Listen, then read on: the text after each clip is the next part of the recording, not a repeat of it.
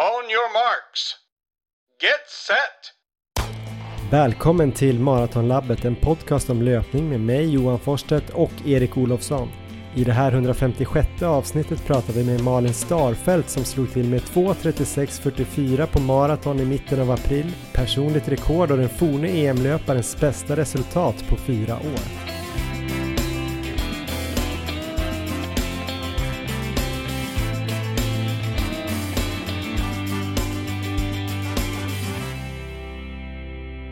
Ja men då ska ni alltså vara varmt välkomna till avsnitt 156 av podden Maratonlabbet som görs av mig Johan Forsstedt och eh, dig Erik Olofsson. Hur mår du egentligen?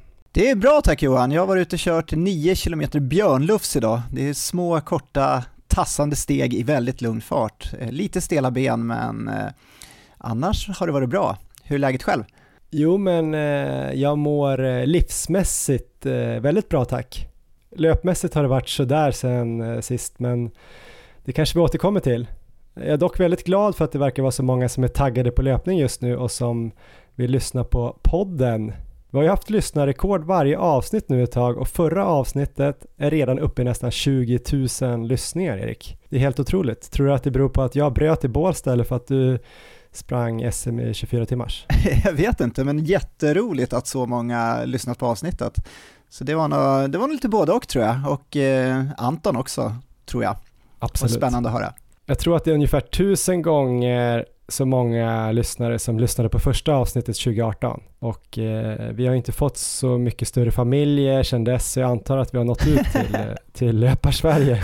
Eh, stort tack i alla fall till alla som lyssnar. Ni sprider grymt bra energi till oss och vi uppskattar eh, det verkligen. Lite läskigt dock Erik att svara upp till det här förra avsnittet hur ska vi göra om det här? Men vi ska göra vårt bästa. Vi har ett bra avsnitt på gång tycker jag, på pappret i alla fall.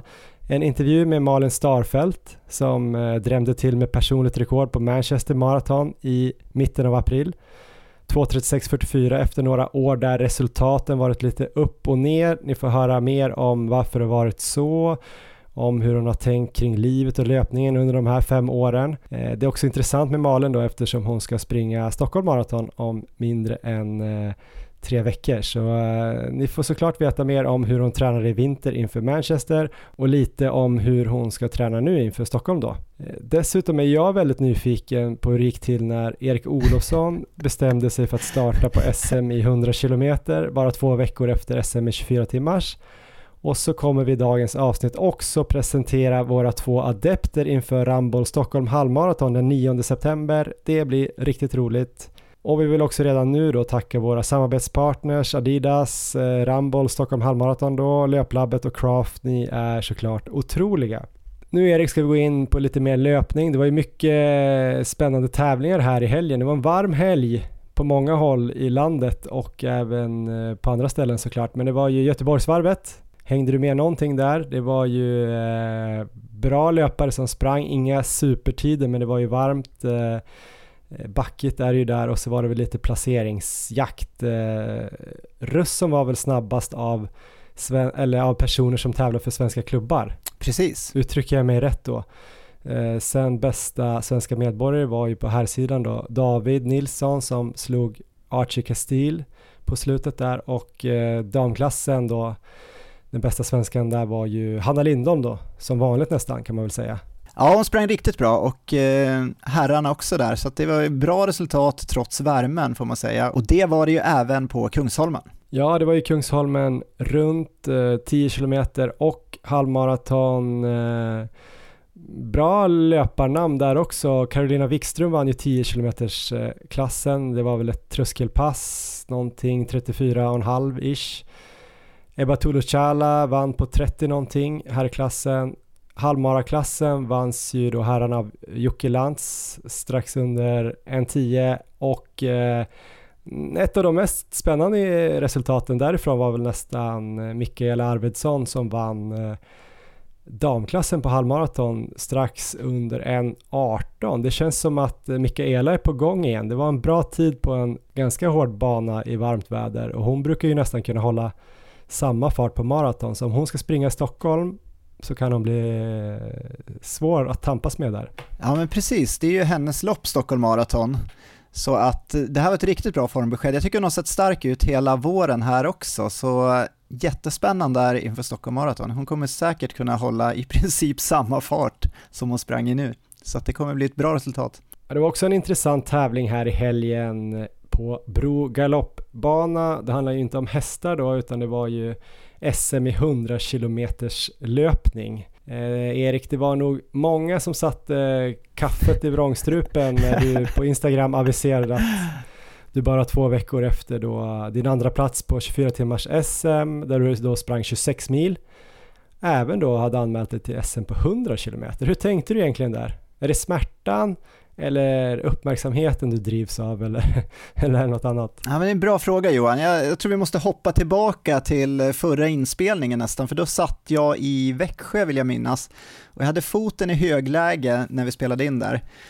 Och när vi spelat in klart så blev jag buren in i bilen för hemfärd till Uppsala. Och eh, väl då hemma i Uppsala så fick jag låna ett par kryckor och jag kunde i princip inte stödja på foten alls. Den var rejält svullen på fotleden och rödblå i färgen. Så det såg ju väldigt mörkt ut då och kändes oroväckande. Jag tror vi pratade om att jag kanske hade någon eh, misstänkt fraktur eller någonting. Så jag gjorde i alla fall så att jag åkte till närakuten där dagen efter och fick träffa en fysioterapeut först och då, när jag kom dit så kände jag mig lite traumatiserad för att jag hade fått väldigt dåligt bemötande från vårdcentralen när jag hade fått Rabdo under EM. För då fick jag i princip svar då att det var självförvållat och att de sysslade med riktig sjukvård. Så den här gången ville jag egentligen inte berätta vad jag hade gjort när jag kom dit till fysion, så jag sa bara att jag har sprungit ett lopp och då frågade hon eh, ett långt lopp och då svarade jag ja, ett eh, långt lopp. Sen, sen frågade hon hur långt? Och då blev jag tvungen att berätta att det var 24 timmar långt. Jag hade som tur den här gången att hon var från Ockelbo och kände bröderna Lands föräldrar. Så den här gången fick jag väldigt bra bemötande där. Jag fick komma in och röntga foten och det visade sig att det var ingen fraktur. Sen fick jag äta antiinflammatoriska tabletter i några dagar och det började bli bättre ganska snabbt så jag kunde börja stödja på foten. Sen blev det ändå helvila hela veckan då från träning, vilket ju var min plan från början också. Så på måndagen, en vecka efter vi spelade in senast, så kunde jag börja springa igen. Men sen kan vi hoppa fram till eh, torsdagen här, så det är alltså två dagar innan SM på 100 km och jag skulle på ett möte och jag skulle springa dit, ett lugnt distanspass. Men jag märkte att jag började bli sen och då var jag tvungen att lägga några kilometer under fyra fart för att hinna fram i tid. Så först tänkte jag att det här är nog inte så bra så nära in på loppet. Men istället så kändes benen väldigt pigga där. Så att jag fick en, eh, fick en bra känsla och jag kunde ju nöjt mig där och varit glad över att benen verkat återhämta sig bra. Eh, men istället då så begav jag mig hem och spontananmälde mig till SM på 100 km två dagar senare det var ehm, väldigt spontant måste jag säga. Det var ingen så tanke på det dagen innan alls, utan det var, eh, det var bara något som, som kom till mig. Jag kände väl när jag gjorde det att det här är nog ett ganska dumt beslut, men det kändes så roligt och inspirerande att jag, jag kunde inte låta bli. Vad hade du för eh, mål med tävlingen sen då?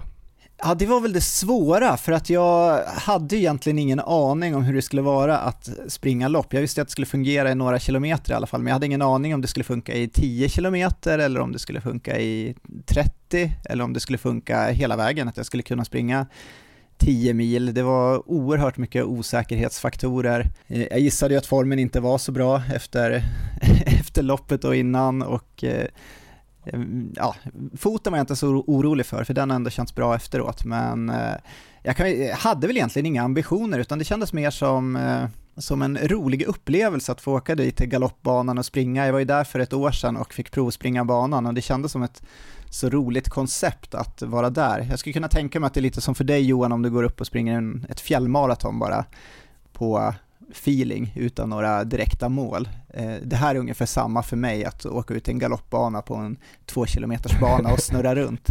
Så att eh, jag var, jag var jättetaggad att åka dit, men det var inte för att kanske åka dit och prestera, utan det var mer för att träffa alla som är där. Eh, känner ju Göran där mycket väl som är med och arrangerar loppet. Så det, det kändes bara kul att komma dit igen och vara på plats, få uppleva hela det här unika eventet. Så eh, det var väl lite så jag tänkte innan. Men du har ju en SM-medalj från 100 kilometer. Det var väl två år sedan du kom trea på 100 kilometer så i förhandsnacket så nämndes det ju ändå där tyckte jag när jag läste på Ultraaktuellt. Så, men det var inga större ambitioner om att knipa någon medalj. Det var också väldigt bra startfält måste man ju säga. Inte för att du inte är bra men. Ja, nej men det, det var ett oerhört tufft eh, startfält där på här sidan så att jag Eh, Eh, jag förstod att även om jag skulle ha en bra dag mot förmodan så skulle det krävas att väldigt många där framme skulle vara tvungna att bryta loppet, för det var ju eh, stenhårt och det vart ju ett otroligt bra lopp också. Men eh, jag kan väl dra en liten kortfattad race report där jag inte ska fokusera kanske så mycket på mig själv utan mer vad, jag fick se under loppet och vad som hände där istället. Vi kan väl ta upplägget först då. Det, det arrangerades då som sagt på Bro galoppbana nära Bålsta och vi sprang där på asfaltsbanan där ambulansen normalt kör runt under loppen. Så det är inte själva delen där hästarna springer och det var i princip helt platt. Banan var då två kilometer i formen av en fem gånger så stor löparbana, så det är inga snäva kurvor, det är helt optimalt för att springa snabbt och det enda som kunde varit lite bättre för löparna var väl vädret. Det var ju riktigt publikväder även där med värme och solsken. Och om vi hoppar in i loppet så för mig kändes det överraskande bra fram till eh, kilometer 35. Jag sprang med eh, 4.20 snitt och benen kändes ändå oväntat pigga bara två veckor efter 24 timmars SM. Och foten var också helt bra, så fram dit så kändes det eh, kontrollerat. Men efter 35 km så blev det slitigt på många sätt. Jag började bli stel i fotlederna och höftböjarna och värmen började nog spela in också. Sen var jag nog inte riktigt där mentalt. Det kom ganska snabbt tankar när det började gå tungt om att jag ska kliva av i marapassering eller ska jag köra fram till 50 kilometer. Så jag hade inget riktigt eh, syfte för dagen att gräva så djupt som det skulle krävas för att fortsätta kämpa hela loppet. Och jag hade alldeles för många bra ursäkter för att stanna. Jag tror att jag behöver ett starkt varför i de här lägena för att kunna plåga mig så mycket som krävs om man hoppar tillbaka till SM i Växjö till exempel, där hade jag ju massa starka varför. Jag ville slåss om segern, jag ville slåss om medaljerna, det var indikativ VM-kvalgräns, jag ville springa längre än jag någonsin har gjort förut. Mina föräldrar var där på plats eh, och Leon och la hela helgen på att vara där med mig och kolla på loppet och Jonny och Marie var där och supportade mig hela helgen så det var ju hur många varför som helst att eh, pressa mig där. Men den här dagen så kände jag väl inte riktigt att Eh, vi hade några bra anledningar, för det hade krävts oerhört mycket där för att eh, fortsätta loppet. Så att eh, jag beslutade mig till slut att köra fram till 50 km och det gjorde jag, men där fick det vara nog. Så att där klev jag av. Och i täten låg då Anton Gustavsson som gästade podden här i förra avsnittet. Och det var väldigt spännande för han sprang tillsammans då med Mikael Ekvall men hade sprungit in ett varv, alltså två kilometer då på honom. Och när de passerade mig när jag sprungit eh, 47 kilometer då hade jag redan bestämt att jag skulle kliva av i 50 kilometer och då kunde jag inte motstå att hänga på dem i två kilometer. Så från min eh, 4.30-fart då så blev det en bit strax under 4-fart, jag tror de sprang ungefär i 3.55 då. Så jag sprang där bakom, de såg väldigt starka ut båda två och eh, de springer väldigt olika. Anton har rätt hög frekvens och eh, nedtonat steg, men det går oerhört fort. Så man hörde när han närmade sig bakom att någon kom i riktigt hög fart, men det var stor skillnad mot EM eh, i Verona när Sorokin skulle passera, för när Sorokin kom då hörde man på långt avstånd rejäla smällar i asfalten. Det, det var som en dån som kom bakom. När Anton kom var det lite mer tassande, så han flyter mer fram medan Sorokin då springer på ren kraft och energiåtergivning. Men eh, väldigt effektivt och det var, ja, det var spännande att se. Och sen så då i kontrast lite till Anton då, så Ekvall har ju, ja till att börja med, han har väl det snyggaste löpsteget som jag någonsin har sett tror jag med längst och högst flygfärd. Jag tänkte på det redan när jag såg jag tror det var EM i maraton, det var väl när Malin Starfelt sprang också, var det 2019? Malin sprang 2018. Då var det nog 2018 också som jag såg Ekvall på tv när han sprang, eh, sprang EM och då sprang han i en stor klunga. Och det var så markant skillnad på honom där och de andra löparna. Hans steg var så mycket spänstigare och flygfärden var så mycket längre än alla andra och då var det ju ändå Europa-eliten i maraton. Så jag tänkte det när jag sprang där bakom dem, att jag var tvungen att jämföra mitt eget steg nu med Ekvall. Och det var intressant, för jag tror jag tar typ dubbelt så många steg som Micke i samma fart. Det kändes så i alla fall. Det var, jag skulle vilja se det där på film sen, det, var, det kändes ganska roligt. Så om du tar 200 så tar han 100 Ja men typ, jag tror han har, jag tror han har 100 kadens. Kanske inte riktigt men eh, nej, det, var, det var häftigt att få springa med där bakom. Jag måste bara få fråga en sak, vad körde Ekvall i för skor? Vet du det? Körde han karbon eller? Ja det tror jag, jag tror han körde i Hokas, eh, den här Rocket-skon Okej. som vi har sprungit en del i också. Okej, för jag tänkte, jag tror det var under EM 2018 där, då hade ju Vaporfly kommit och jag tror han fick frågan då inför, eller många fick ju frågan inför då, för alla hade ju inte den skon. Det var ju lite orättvist då, för det fanns ju typ bara Nike som hade en sån supersko. Men då blev han ju, han var ganska ilsk i svaren där, sa att det spelar väl fan ingen jävla roll vad det är för sko man springer i. Det är ju löparen som avgör. Jag tänkte bara om han hade ändrat. Ja, ja, det, ja, det kanske blev ännu, ännu mer spänstigt steg den här gången. Ja, fortsätt. Ja, de låg ihop i alla fall till eh, dryga milen kvar. Jag följde det här loppet sen från sidan, så det var, eh, det var väldigt roligt att få ta del av det först, eh, först i loppet och sen så från sidan. Och med dryga milen kvar då så eh, gick Anton ifrån Ekvall där och defilerade in i mål som vinnare på 6.30. En helt otrolig tid i den värmen som var. Och Ekvall höll i det bra också till silver på 6.49, så det var en imponerande debut på distansen. Bronset gick till Linus Wirén på 6.58, så otroligt hög klass på den pallen. Och där bakom gjorde också Erik Arnfelt ett eh, bra lopp som fyra på 7.11. Han slet med kramp sista 25 kilometerna och annars hade han säkert gått under sju timmar där. Vi försökte få lite tips från dig där Johan till Erik via telefonen. Eh, Men du, du hade ingen riktig lösning till honom. Nej, mitt bästa tips är ju inte få kramp att springa Ja. lite kortare sträckor och inte så hårt. Just det. Ja, Men det var ju sent påkommet då, när han hade sprungit 75. ja men hårt. precis, det hjälpte inte honom där. Men eh, jag tänkte bara, Anton var ju med i vårt förra avsnitt och snackade ju då om jakten på eh, svenskt rekord. Nu blev det ju ganska varmt. Han öppnade ju ändå i svenskt rekordfart eh, och sprang väl ganska länge i den. Jag tänkte bara, vad tycker du om det här resultatet? 6.30, det är omöjligt att veta exakt vad det skulle ha inneburit om det hade varit 10 grader och vindstilla, men vad tror du att det hade kunnat motsvara? Ja, men på en bra dag med eh, optimal temperatur så tror jag att Anton tar det svenska rekordet tveklöst, så det kommer han göra. Det var oerhört imponerande. Han har ju väldigt bra fartresurser också på maraton och nu känns det som han har knäckt koden här med 100 km också, så att jag tror att han kommer eh, med den här erfarenheten också till nästa lopp, så eh, får han bara bra förutsättningar så kommer han gå under det svenska rekordet och säkert med hyfsad marginal också. Du fick ju snacka lite med Anton efteråt och även hans mamma som agerade support. Eh, Jag har inte mammas namn i huvudet, men du kanske vill presentera de här två, de kommer i en sjok här, de två intervjuerna. Kul! Ja men då, då får vi höra Anton och Pernilla här. Då står vi här i Bålsta strax efter målgång, kanske 20-25 minuter efter.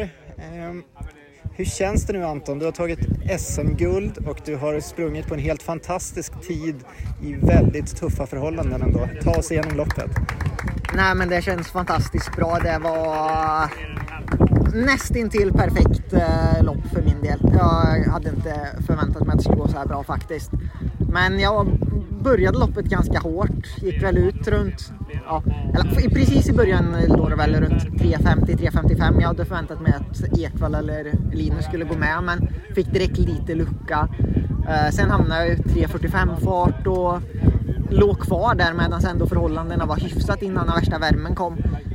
Sen så efter, tror det var ungefär 44-45 kilometer så kom jag ikapp Linus och Ekvall som låg tillsammans. Eh, och hade tidigt bestämt mig att när jag kommer ikapp dem, alltså varvar dem, så ska jag lägga mig tillsammans med dem. Så det gjorde jag. Så låg vi där och hjälptes väl åt att dra ganska mycket. Jag tror Linus drog väl lite mer än oss andra. Eh, och låg väl kanske i en, eh, jag vet inte hur länge vi kan lägga där, 10-15 kilometer tillsammans kanske.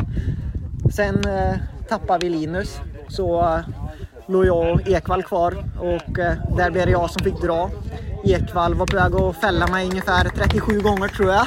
Det värsta var när han tre gånger på ett varv sparkade mig i hälarna. Då var det nästan att jag blev lite irriterad men det gick bra.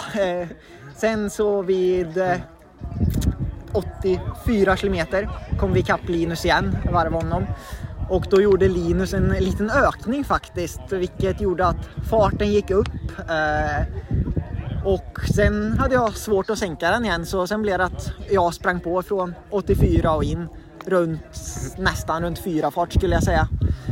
Och kom i mål på 6.30 va, tror jag. Ja, Ja, det såg otroligt stark ut. Var det några svackor under loppet mentalt eller fysiskt när du kände någon oro eller flöt det på liksom perfekt hela vägen nästan?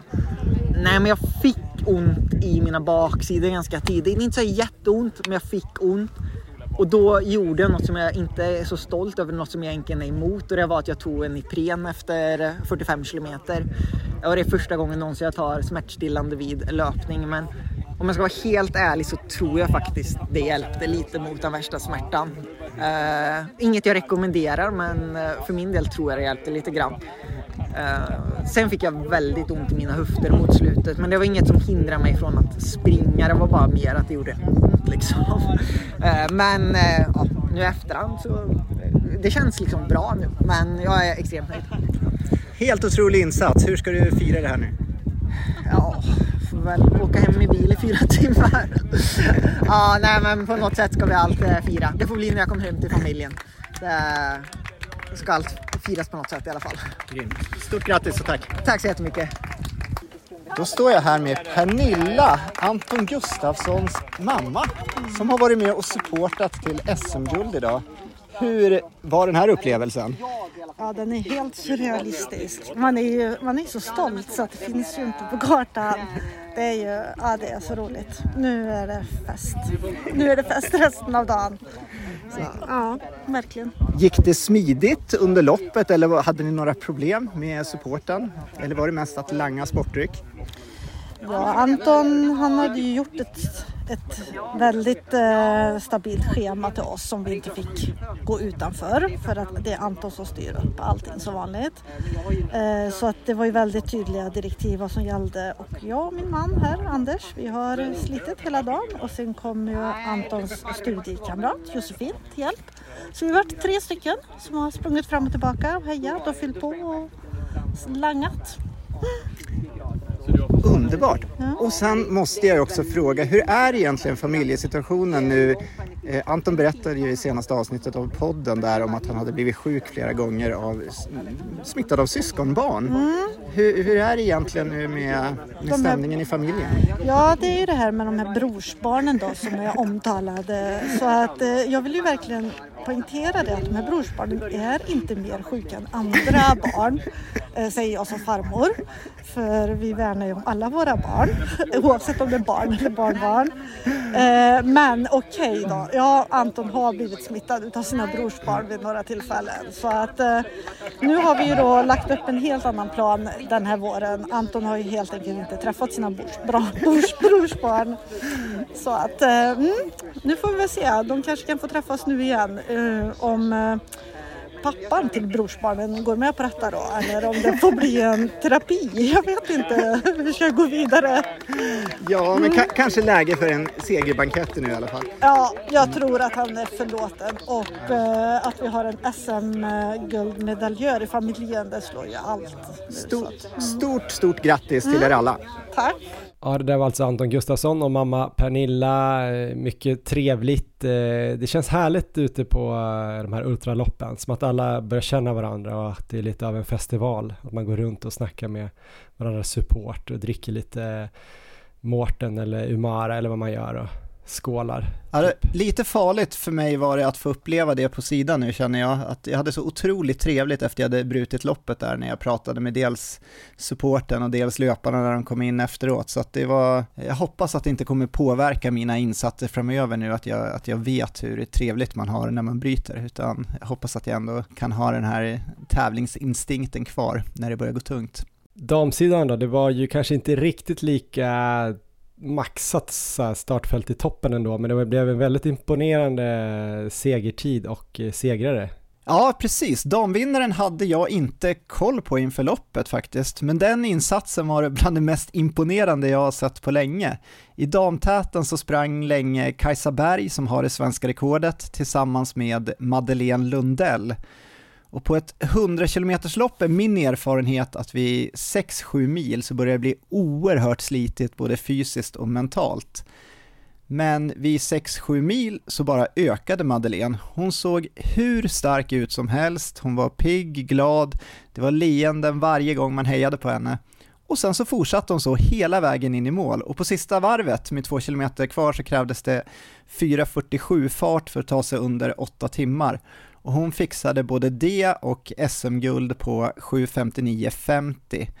Och även Kajsa Berg höll i det riktigt bra till silver på 8 timmar och 7 minuter och Beatrice Tavo gjorde även hon ett kanonlopp på 8 timmar 21 minuter och tog bronset. Så väldigt starka insatser även där. Och du fick även snacka lite med damvinnaren. Vi kan väl köra den nu, Madeleine Lundell. Då har jag med mig Madeleine Lundell som här i Bålsta idag har tagit SM-guld och på en helt fantastisk tid på 7.59.50. Berätta hur du upplevde loppet idag. Um, ja, men det har varit en varm dag uh, så det har varit tufft. Annars har vi haft, eh, jag har haft, det har varit ett väldigt gott sällskap av uh, ett par andra på damsidan vilket har underlättat oerhört mycket. Um, bra arrangerat lopp, uh, roligt att springa på en eh, varvbana här uh, där vi har kunnat ha publiken nära hela tiden. Jag har själv upplevt när jag har sprungit 100 kilometer att vid så här sju mil ungefär så brukar jag ta ganska slut och få jobbet mentalt och fysiskt. Men när jag kollar på dig när du sprang idag så såg du bara starkare och starkare ut under den perioden. Berätta lite just där, kändes det väldigt bra själv också eller hur var det? Mm, eh, jag tyckte det var slitigt någonstans runt 5-6 eh, mil. Eh, framförallt mentalt. För att man vet då att det är ganska långt kvar av loppet. Eh, däremot när det var runt tre mil kvar så kände jag att jag eh, hade ganska mycket kvar att ge och eh, gjorde istället eh, en ökning där. Och du har haft väldigt bra support här på sidan också av din man och eh, två döttrar. Eh, hur, vad har det betytt att ha med dem på plats? Ja, det är guld värt eh, och särskilt med tanke på att vi idag har gjort 50 eh, varv på samma bana. Vilket innebär att jag får se dem väldigt ofta. Det är jätteroligt och de klappar och hejar. Stort grattis! Tack ska du ha! Där hörde vi Madeleine Lundell och det var väldigt roligt där ut på det sista varvet för då kom båda hennes döttrar där eh, springande mot henne på banan när hon skulle ut och, och, ut och köra det här spurtvarvet. Men hon bara glatt hejade på dem och eh, sprang runt och eh, fortsatte in sen i mål och när hon kom in i mål och eh, la sig där i gräset så kom ju hennes största supporters där och eh, firade henne, så att det, var, ja, det var härliga bilder. Och det var också ett väldigt eh, ja, högklassigt lopp var det ju och ett högklassigt arrangemang. Det var storbildsskärmar som följde löparna, det var enorma resultattavlor med live-uppdateringar, det var service med kalla duschar längs banan, is delades ut och allt annat som behövdes och en fantastisk bankett på restaurangen där på galoppbanan efter prisutdelning. Jag vet att det finns intresse för att anordna internationella mästerskap här och jag tror att det skulle kunna bli precis hur bra som helst. Så Sorokin mot Gustavsson nästa år på 100 km är min förhoppning på Bro galoppbana och den duellen kommer i alla fall inte jag missa. Inte när du har beskrivit deras steg tycker jag. Det ska bli spännande bara det, liksom lyssna på deras steg. Ja, verkligen. Sorokin som för övrigt eh, slipade lite på sitt eh, världsrekord på 100 km i helgen. Ja, vad vart det? Var det fem, fem eller sex sekunder till slut va? Som han sänkte Jag tror det var sex sekunder, 6.05 någonting. Otroligt snabbt. Eh, känns lite jobbigt att ha sprungit så långt och bara kapa sex sekunder på sitt eget världsrekord. Det är väl en sak om man slår någon annans, men sitt eget så kanske man hade kunnat hoppats på lite mer. Men det var väl varmt där också tänker jag. Ja, jo men det var det och jag kan tänka mig att han led ganska hårt där på slutet för att ändå, ändå klara rekordet. Det, det var imponerande, jag såg hans splittider sen på Strava och jag tror hans absolut långsammaste där, om man då tar Strava kilometer, var väl på 3.41. Så att det var ju ingen, ingen svacka i loppet alls, utan ganska jämnt hela vägen. Så att eh, ja, han är, han är stark, men det är också Anton. 3.41 känns ungefär som eh, min snabbaste kilometertid de senaste två veckorna faktiskt. lite, lite skillnad, det ligger i lä. Ja, men eh, jag vill höra lite mer om det Johan. Vi lämnar Bålsta och eh, ja, det var ju snack ett tag där innan om att det skulle komma till start på Kungsholmen. Så blev det inte och det var väl en hel del bergslöpning som kanske var orsaken till det. Men du har haft, eh, du har haft det ganska trevligt va, sista veckorna? Ja men verkligen. Som jag sa där tidigare i början har jag ju ganska bra så här livsmässig energi. Haft eh, en bra period sedan förra avsnittet. Däremot så här löpmässigt så har jag nog eh, kanske min första riktiga dipp 2023. Sen är väl allt så här äh, grader i helvetet. Jag är inte skadad eller så, men jag har varit lite sliten. Jag tror jag blev lite sliten efter loppet i Bålsta. Att det var lite av en urladdning, lite besvikelse att det inte gick så bra. En del stress kanske med att försöka hinna ja, ta emot mina föräldrar ute i torpet efter loppet där och sen, det är ju inte, inte så jobbigt i och för sig, men vi skulle också sen komma hem och packa, klippa klart podden, förra avsnittet och sen dra iväg jävligt tidigt till, till Spanien med familjen. Lyxproblem såklart, men eh, lite sömn där och eh, kom väl in i den veckan lite dåligt så här med löpningen. Det var ganska varmt där nere, lite ovan då, nu är det ju varmt här också, men kändes ganska sådär hela veckan efter Bålsta i löpningen. Så jag vet inte, jag hade tänkt att jag skulle få en kick lite grann av det där ändå och sen kanske sikta då mot Kungsholmen runt, alltså två veckor efter Bålsta. Den här första veckan blev det inte alls så utan jag kände mig ganska sliten även på distanserna och sådär. Fredagen körde jag väl ändå ett pass som var okej. Okay. 10 gånger 3 minuter in typ såhär 3.32 eller något. Men det var med mm. distansskor och det var typ 25 grader ute så att jag kom på sen att det var nog ganska bra pass. Så då kände jag ändå så här, nej men nu blir det nog en, en satsning mot Kungsholmen. Eh, men dagen efter så hade jag då fått eh, en halvdag ledigt från familjen eller vad man ska kalla det, ledigt och ledigt. Jag fick en fri halvdag och sticka upp i bergen och springa. Så jag tog en buss upp i bergen, eh, sprang en led där som jag tidigare har sprungit men då var det så himla molnigt och svinkallt. Jag höll nästan på att frysa ihjäl och det var så dimmigt så jag såg ingenting. Och det var också en, en topp som jag ville bestiga där då som hette Puig de Massanella. Alltså berget hette Massanella och Puig de är väl toppen då. Eh, så den fanns längs den här leden jag skulle springa. Kände att jag hade lite dåligt med tid för bussen var lite sen upp där i bergen. Men sprang på halvhårt i början, bestämde mig ändå för att klättra upp på det här äh, berget. Det var superfint men jag kunde bara vara där, typ ta en selfie, eh, kolla en minut, sen klättrade jag typ ner för något stup, höll nästan på att dö. Det behöver du inte säga till någon eh, nära familjemedlem, för det känns lite pinsamt att man är så här 40-årig hybrisgubbe som typ klättra ner på fel ställe. Fick typ klättra upp igen och klättra ner på något annat ställe och hoppa ner. Äh, det, var, det var inte snyggt, men jag kom ner. Sen fortsatte den här leden då ner till något som heter Juk, där du och jag har varit en gång. Just det. Ett kloster där. Vi var inte munkar där, utan vi var bara där för att vi skulle springa därifrån. Dit skulle jag springa då för att ta bussen ner till kusten igen. Och då hade jag ju en deadline på att den bussen gick 14.05 eller vad det var. Så jag hade en, en viss tid på mig och det var ganska mycket stenig nedförsbacke men jag brände på typ allt vad jag kunde ner och eh, kände väl att jag hade lite chans om bussen skulle vara sen. Det var på den nivån. Jag hade otroligt kul ner för att jag sprang förbi en massa så här eh, vandrare som tyckte jag var helt galen som kutade fort nerför. Det älskar jag. För jag menar i sammanhanget om det går så här 50 pensionärer och som knappt kan gå ner, då ser det ju rätt häftigt ut om någon kommer och springer i sin högsta hastighet nerför. Så det tycker jag är kul. Kom ner, det var inte lika kul för jag missade bussen med typ kanske 10 minuter eller något och den var ju såklart i tid då. Funderade vad jag skulle göra, det var tre timmar till nästa buss. Eh, jag ringde taxi, det var tre timmar innan de kunde skicka en taxi dit för att det ligger ju så här uppe i bergen kan man väl säga. Eh, fanns en restaurang där, funderade på att sätta mig och bara käka, dricka en öl och sen bara ta den här nästa bussen, ringa till Emma och säga att ja, jag kommer lite senare än vad jag hade tänkt. Men det är alltid lite tråkigt. Så att jag bestämde mig till slut för att springa då till nästa by, vilket är ju då 18 kilometer till. Jag hade sprungit 15 kilometer bara, men det var ganska många höjdmeter på den här första biten. Sen så sprang jag den här delen som du och jag sprang när vi var där nere och rekade. Ja. För eh, ett tag sedan. Eh, den är ju ganska snäll, men det kanske är ändå några hundra höjdmeter till och sen ganska mycket, en del utför halvbrant och sen ganska snäll avslutning.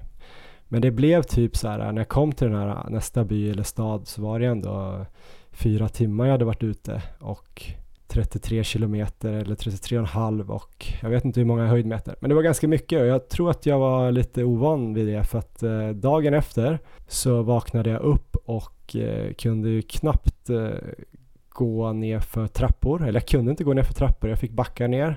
Eh, jag kunde knappt eh, ställa mig upp från stolar. Jag kunde än mindre springa den dagen.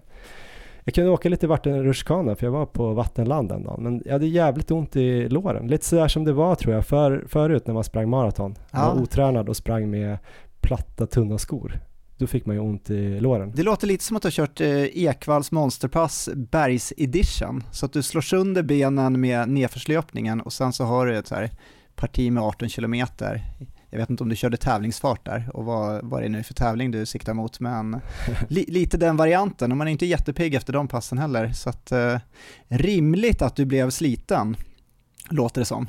Ja, det var väl det, men det var ju korkat också. Jag, lite hybris. Jag tycker på ett sätt att det är skönt att man kan ha hybris, att man kan göra sådana där grejer och tänka lite naivt att det är väl lugnt att springa 18 till. Så var det inte förut. Då hade man ju varit helt död där efter första 15 och varit nöjd att sitta och äta och ta en öl och vänta på bussen. Nu är det inte så längre, på gott och ont. Så två dagar efter försökte jag ändå springa lite för jag tänkte det är bra med lite mm, blodcirkulation och jag började springa och eh, det var ingen skämt, 6.30 var max i början. Eh, kunde väl köra progressivt ner till eh, kanske 5.30 på slutet. Jag sprang 5 kilometer och hade 5.55 snitt. Och det var ärligt talat max. Så det var också Björn Lufs eh, Johan edition. Det var, då kände jag att det här var inte bra. Alltså, första dagen var det mer så här, vad kul det var igår i bergen. Det fick jag sota för. Dag två var det lite så här, okej, okay, det här kommer ju påverka mig längre. Ja, så så har det varit.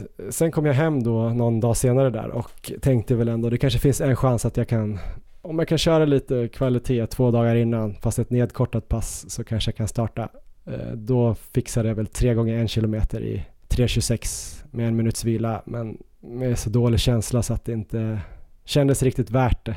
Men eh, summa summarum så har det ju varit en dipp här två veckor. Jag vet inte hur jag ska ta mig vidare men eh, jag har börjat ett nytt projekt på att make Johan great again.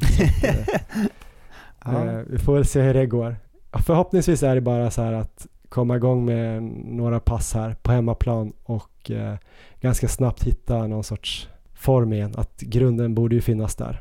Ja men det tror jag. Det låter som att du har fått bra träning inför trail-SM i alla fall. Och sen så är frågan då, vi kanske kommer in på det i, i slutet av programmet här, om det blir någon, något till försök på uh, milen.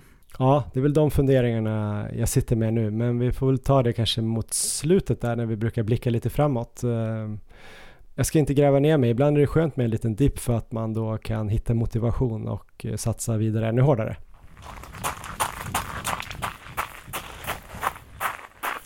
Vi har ett samarbete med Adidas och har ju därför haft förmånen här nu att få springa i både snygga och bra skor eh, på sistone.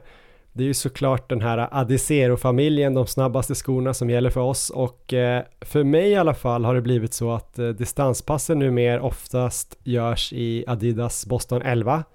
Men även då ett tröskelpass nyligen alltså, de känns ganska snabba. Och så kommer jag väl även testa mer och mer då Adidas SL som är eh, ännu lite lättare distansskor. Takumi Sen 9 har jag haft på ett millopp på premiärmilen. Tycker även att de är intressanta för kvalitetspass på bana och elljusspår skulle jag tro. Eh, de är ju lätta, väldigt lätta och lite tunnare än Adios Pro 3 som är den prioriterade tävlingsskon på landsväg eh, som du även hade då på 24 timmars Erik. Precis, och även nu i helgen på 100 km. Just det. Väldigt snabb sko. Vinner ju många maratonlopp runt om i världen, eller inte bara skon, det är också löparen i skon såklart. Eh, till sist har vi också då uh, provat, eller jag har sprungit en del, eller jag har sprungit något långpass med den här tävlingsförbjudna läckerbiten Adizero Prime X. Eh, den är ju då överhög så att säga. Jag tror den är 50 mm i sulan och den får ju bara vara 40 mm på landsvägslopp. Men den kan ju användas för att skona benen lite både på långpass men även kanske distanspass om man har riktiga sådana här återhämtningspass och vill eh, lyxa till det lite. Och några av de här skorna kan ni säkert få testa ikväll om ni vill i Hagaparken i Stockholm på Adidas Try-On Sessions. Det är alltså ett gratis träningspass mellan 18 och 19 där man också får chansen att prova Adidas-skor under passet. Eh, ikväll är det Anders Salkai som håller i träningen och samling är vid Tingshusslätten nära den här tennisbanan i eh, den södra delen av Hagaparken då, allra närmast Norrtull. Och nästa vecka, den 23 maj, är det ju du och jag Erik som håller i det här passet, så det kan ni gärna redan nu skriva in i kalendern och tipsa alla ni känner också för det blir riktigt kul. Sist vi hade passet var vi ju på stadion, men nu är det Hagaparken som gäller. På stadion fick man ju prova, då var det väl Adios Pro 3 och eh, Boston 11 va? Och även Ultra Boost tror jag. Vi får se vad som kommer ikväll och nästa tisdag. Och ett tips är väl att eh, man kan dyka upp redan 17.30 eller 17.40 eller något så kan ni ju klämma och känna lite på skorna innan passet. Eh, och kanske snacka lite med Anders Salkai och nästa vecka då med mig och dig Erik. Precis. Vi har också ett samarbete med Sveriges bästa butikskedja för löpning. Vet du vad den heter Erik? Det är Löplabbet. Hur många fysiska butiker i Sverige? Åtta butiker. Bra. Från Umeå i norr till Malmö i söder. Och så har de ju den här fina hemsidan löplabbet.se. Där kan man ju då köpa skor och kläder och eh, andra tillbehör för löpning. Men man kan också ta reda på vilka skor som eh, kan passa en själv i den här skoväljaren som de har där. Man kan läsa distansskoguiden för att få tips på sköna skor för eh, den lite lugnare löpningen. Och så vill vi slå ett slag för maratonguiden som de har skrivit ihop där och man kan få tips då på vad man bör tänka på inför en mara, exempelvis då Adidas Stockholm Marathon om knappt tre veckor. Eh, och har ni som ska springa där tänkt igenom vilka skor ni ska använda, vilka kläder ni ska ha för olika tänkbara väder, om ni har en klocka ni litar på och vilken energi och hur mycket ni ska inta under loppet. Om ni inte har tänkt på allt det där så kan ni gärna starta då de funderingarna med att läsa den här maratonguiden som ni hittar just nu högst upp på startsidan då på löplabbet.se. Vi har också ett samarbete med Craft och det är ju främst kopplat till löpning i, i skog och mark då. Stiglöpning, traillöpning, lite blandlöpning och vi ska ju båda springa Ecotrail den 17 juni och så blir det ju förhoppningsvis något fjälllopp för mig i sommar och du Erik har ju pratat lite löst om Ultravasan vet jag, vi får se vad som händer där.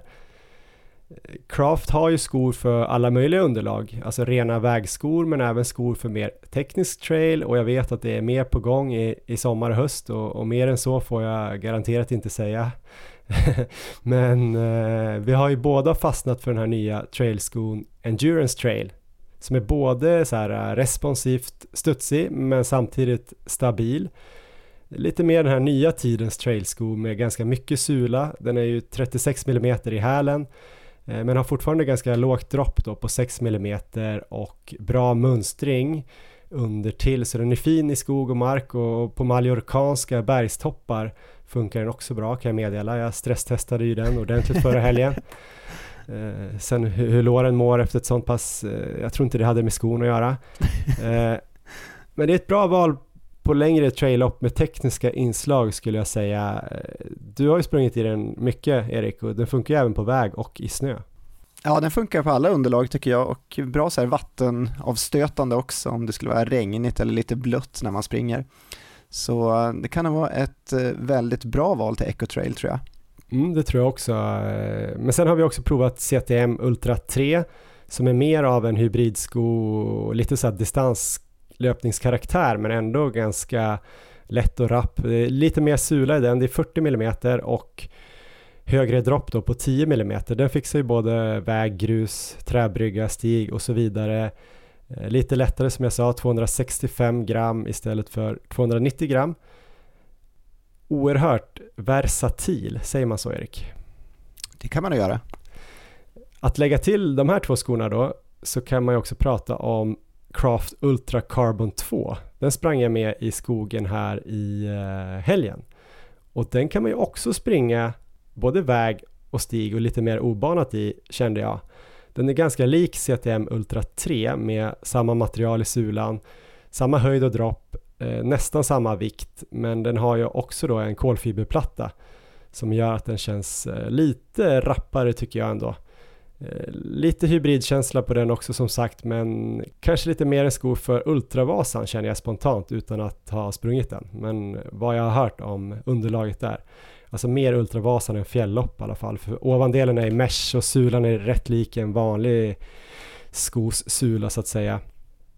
Eh, inte lika slitstark men just nu en stark kandidat för mig då på Ecotrail. I alla fall om det är torrt och fint. Eh, för jag tror inte att det kommer vara sådär grymt tekniskt på Ecotrail hela tiden, mer varierat. Så vi får väl se om det blir, blir den. Och den har ju inte du fått prova än faktiskt, men det ska vi ändra på Erik. Härligt, det ser jag fram emot och det är en het kandidat inför Ultravasan helt klart. Mm. Men om man tyckte då att det var tillräckligt eh, jobbigt med tre så här pass bra skor att välja mellan så ska jag tillägga då Erik att eh, när Ida Nilsson här för två veckor sedan vann eh, 100 km distansen på Canyons Endurance Runs by UGMB och vann då en Golden Ticket till Western States. Vad hade hon på fötterna då? Berätta. Hon hade då en vägsko tydligen som heter Pro Endurance. Eh, väger in på 235 gram och eh, funkade tydligen riktigt fint för det var ju torrt och fast där. Och eh, Ida är ju Craft Elite teammedlem. Så att eh, hon springer med Craft och testade den då. Så att eh, ja, riktigt svåra val här. Så det beror väl helt på hur blött det blir tänker jag på Echo Trail. Och grattis förresten Ida och, och tack Craft.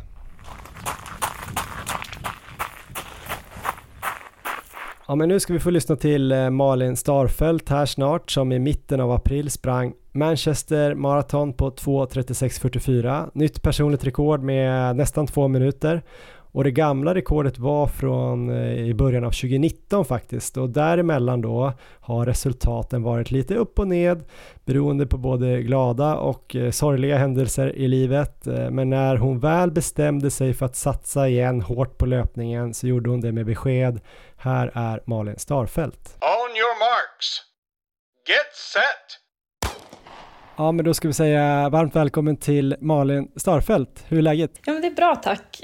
Jättekul att få äran att vara med i podden igen. Det var några år sedan sist. Ja, det börjar nästan bli fem år sedan du var med. Du var med i augusti 2018 har jag kollat upp och du har lyssnat på avsnittet hörde jag. Hur var det? Ja, men det var både och. Kul att minnas eh, 2018 som var en, ett jättefint löparår. Men också lite, lite jobbigt att eh, ja, men, inse att fem år har gått ganska fort. Och, eh, men ändå mest kul. Kul att, eh, att jag fortfarande håller på och, och satsar. Det, ja, nej, men det, var, det var roligt, även om det är alltid jobbigt att lyssna på sin egen röst. ja, men då hade du i alla fall sprungit på eh, 2.40.32 i Hamburg på våren, blivit uttagen till EM. Eh, du hade utvecklats väldigt snabbt där egentligen från 2015 någon gång när du hade börjat springa lite mer som jag kommer ihåg det. Du hade ju också fått barn och ändå kommit då tillbaks och blivit superbra snabbt egentligen. Sen 2019 blev väl inte lika bra som du hade hoppats tänker jag. Nej, det var någon kombination av ganska mycket. Jag började läsa barnmorska hösten 2018.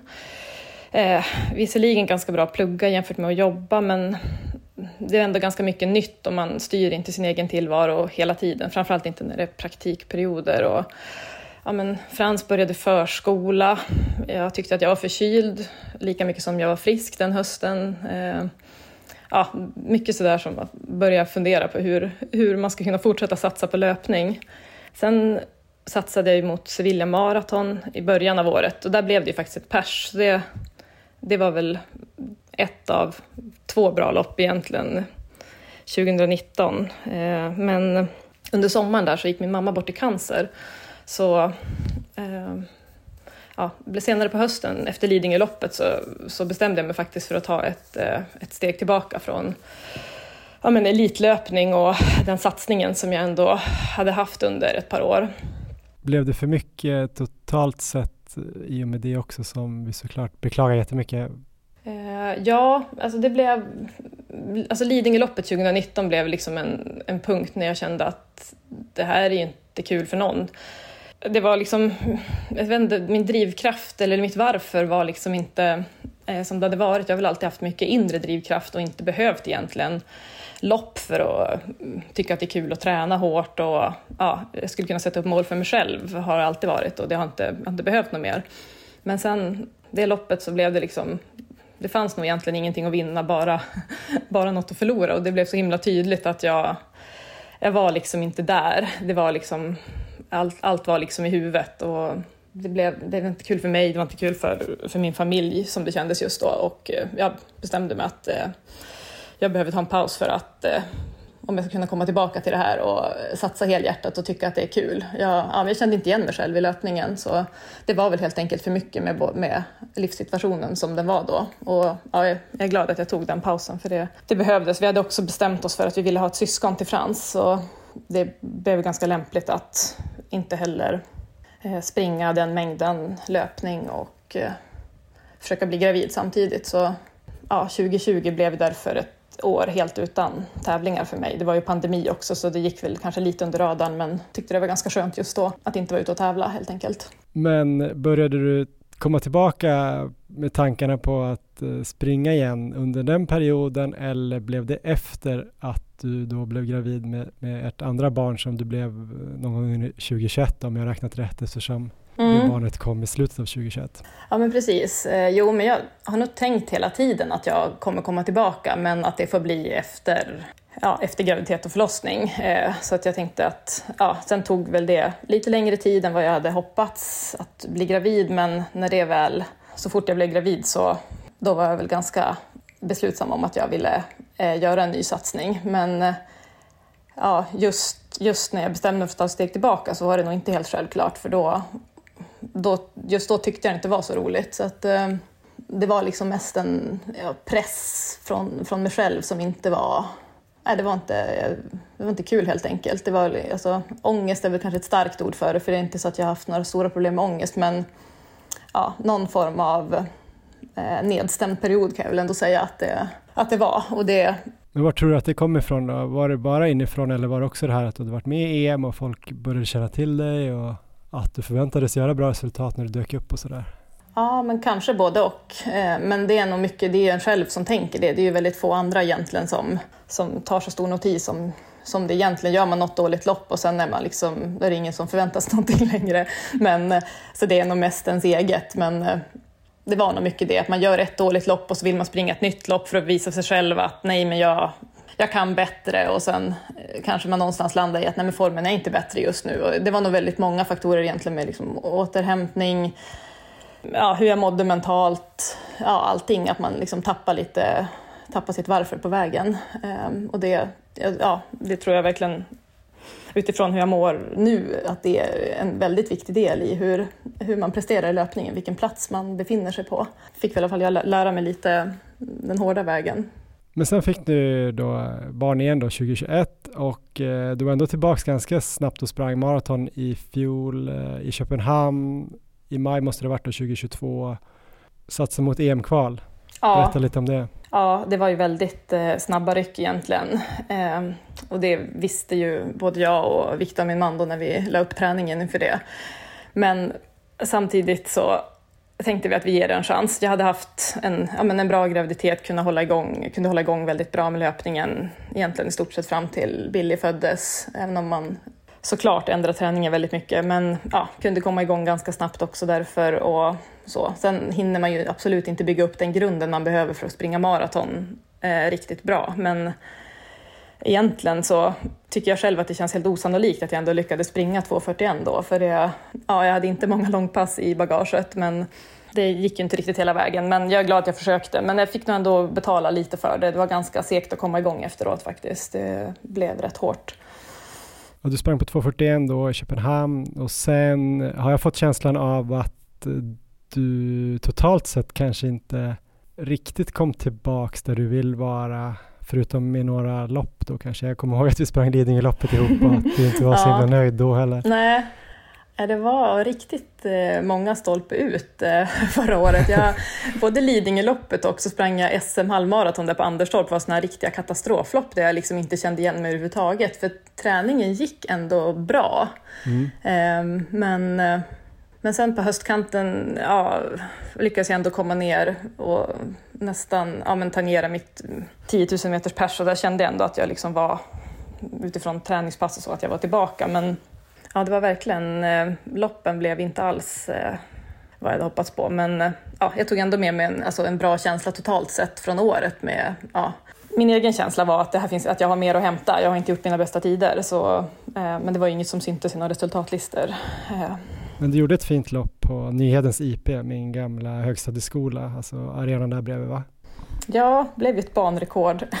Ja, du har banrekordet i, i kroken. Jajamän, ja. Det är mäktigt ändå. Mm.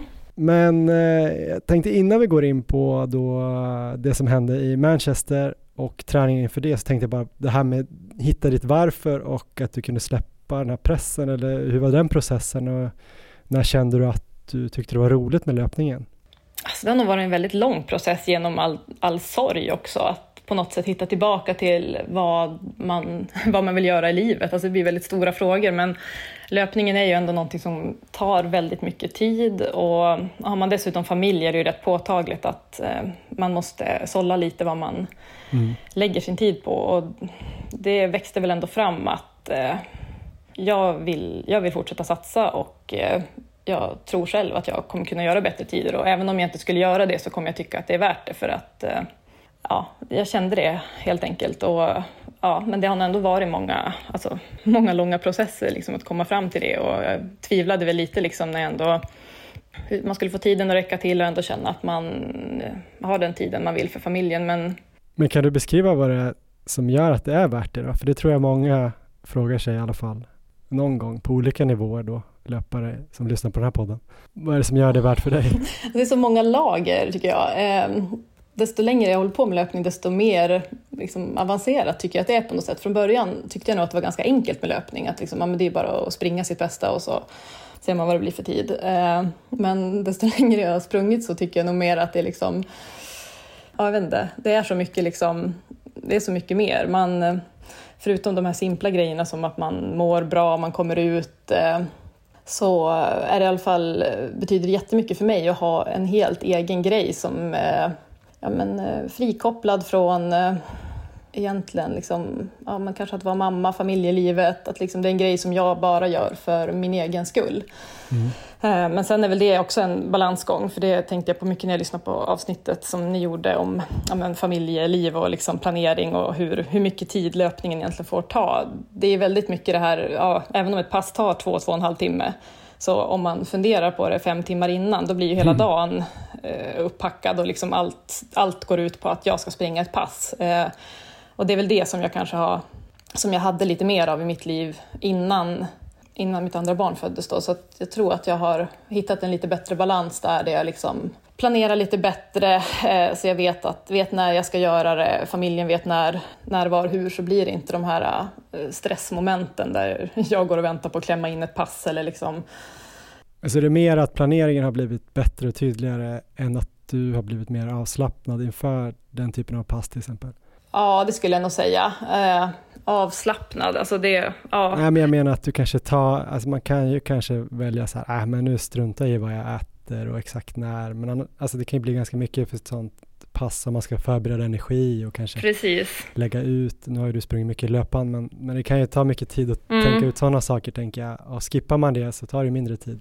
Ja, och skippar man det så blir, då blir det ju ofta rätt dåligt också. Så det är det som jag, jag tror att jag faktiskt har blivit, jag har nog gått åt andra hållet där, att jag har blivit mycket noggrannare med att eh, ja, men förbereda mig väl, men att på något sätt försöka ändå integrera allting i livet på ett eh, bättre sätt. Att, eh, men eh, det är klart, ibland lyckas man ju inte alltid, men eh, jag tycker ändå att, att det har gått framåt på den punkten, vilket jag tror gör att det funkar lite bättre för alla. Men Och det är klokt också om man ändå ska lägga tiden på ett pass att det då också blir bra, annars är det helt bortkastat.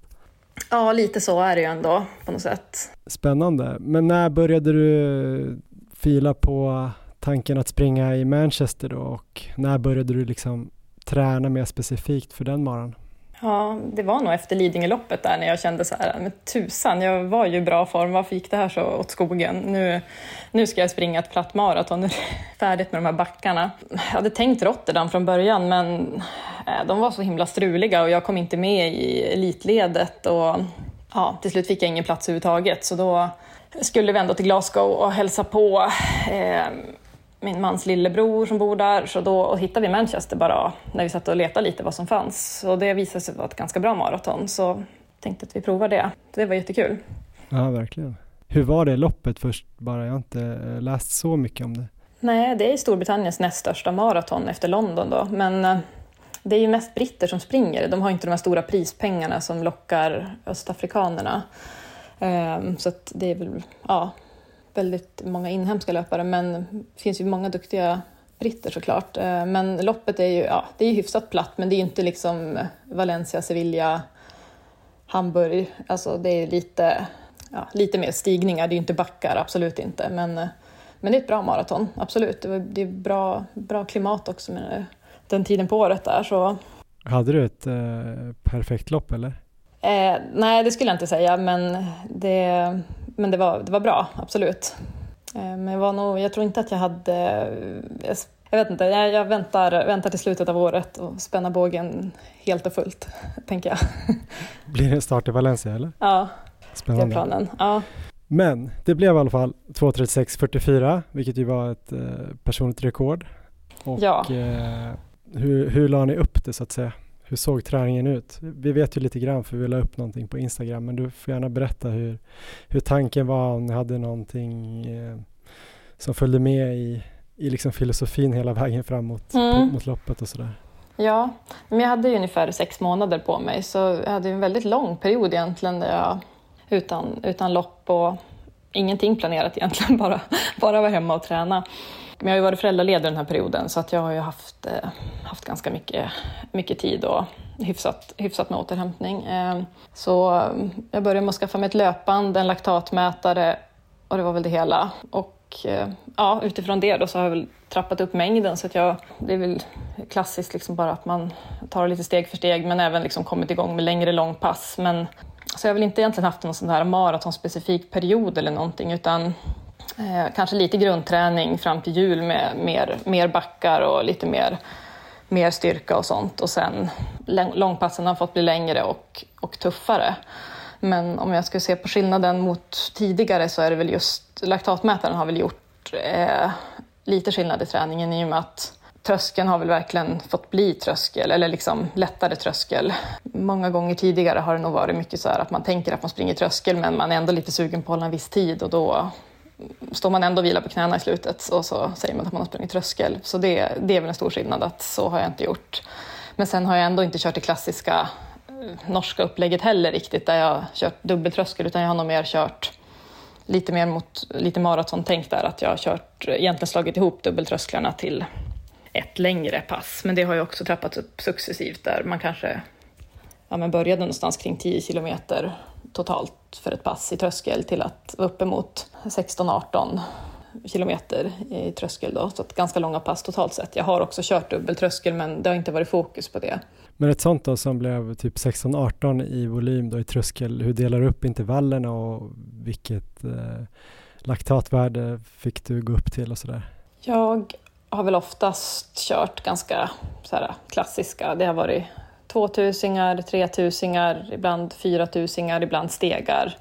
Och, eh, ja, och ibland också såklart kortare. Eh, jag har väl sett att om man kör, jag kan köra ganska snabba tempon så länge man ligger och kör 1000 eller 1200 meter så kommer man nog inte upp så mycket laktat när man vilar så pass ofta, även om man eh, springer fort. Så, eh, jag har väl oftast haft fyra som värde som jag inte eh, vill gå över. Men ja, såklart gärna lägre, men inte att jag lägger på 1,5 och 2 så där, som att jag oftast inte kör dubbel. Så, så det blir ofta en dag, i, en dag vila emellan och sen, ja, det är klassiskt tisdag, torsdag.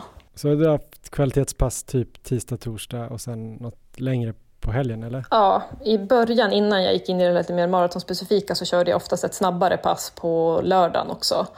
Alltså kunde vara 300 400 men inte liksom fokus på att man ska köra 25 stycken utan det kanske kunde vara 15 stycken eller att jag körde backar där. Ja, men det är väl också lite klassiskt norskt att köra backar på lördagar. Och, ja. eh, men det där la jag bort lite mer i takt med att det blev, egentligen när det blev vinter och jag gick in i lite mer maratonspecifik period när, när det blev mer fokus på långpasset på söndagen då. Just det, så det blev kanske mm. längre hårdare så då ville du vara lite fräschare. Exakt. Men eh, när du börjar närma dig då det här loppet. Jag vet ju att du körde några pass som var, du kan berätta om det själv, men det var väl fyra gånger fyra egentligen, fast det var tre kilometer som gick lite lugnare och sen en kilometer som gick hårdare. Mm. Ja, ja, men det har varit ett liksom, nytt pass för mig, eller vad man ska säga. De andra har väl varit mer klassiska pass. Och, nej, men ett första kilometern då går i nästan milfart. Jag trodde typ att det var milfart, men jag, ja, jag hade kanske lite bättre form på milen än vad jag trodde. Men, mm. Och sen tre kilometer marafart och sen ja, 90 sekunders joggvila. Och så, så totalt 16 kilometer i ganska bra farter. Så tanken har väl varit att ja, men man kommer ju upp såklart lite mer i puls fort om man lägger in en, en snabb kilometer och, och får hantera lite mer laktat då i maratonfart. Så det är väl också ett beprövat upplägg att, att man då får en känsla av att maratonfarten inte är så snabb. Men körde du det passet eh, flera gånger och ökade farten successivt om du kände att du blev bättre eller byggde du upp till det och att det här var liksom slutpunkten någonstans? Mm. Jo, vi byggde nog upp, för jag vet att jag kollar lite i min, mitt block här och det verkar vara så att jag körde, jag hade 1500 och 2000 i början på det där, eh, alltså marafarten. Ja. Eh, och då hade jag ju många fler upprepningar, men det blir ju ändå lättare totalt sett. Eh, men sen ökade vi farten också, eh, framförallt på den snabbare delen. Så att, ja, eh, i takt med att formen blev bättre, men att marafarten skulle väl ligga ungefär ganska konstant. Sen har det inte varit så jättelätt att veta precis vad är min marafart på bandet för att vad är, ja, men vad är ett löpband liksom i fart? Men man kan ju ändå, mäter man både puls och laktat så får man ändå en känsla för ungefär. Har Absolut. jämfört med något pass också när jag varit och sprungit i hallen bara för att kunna översätta lite mer.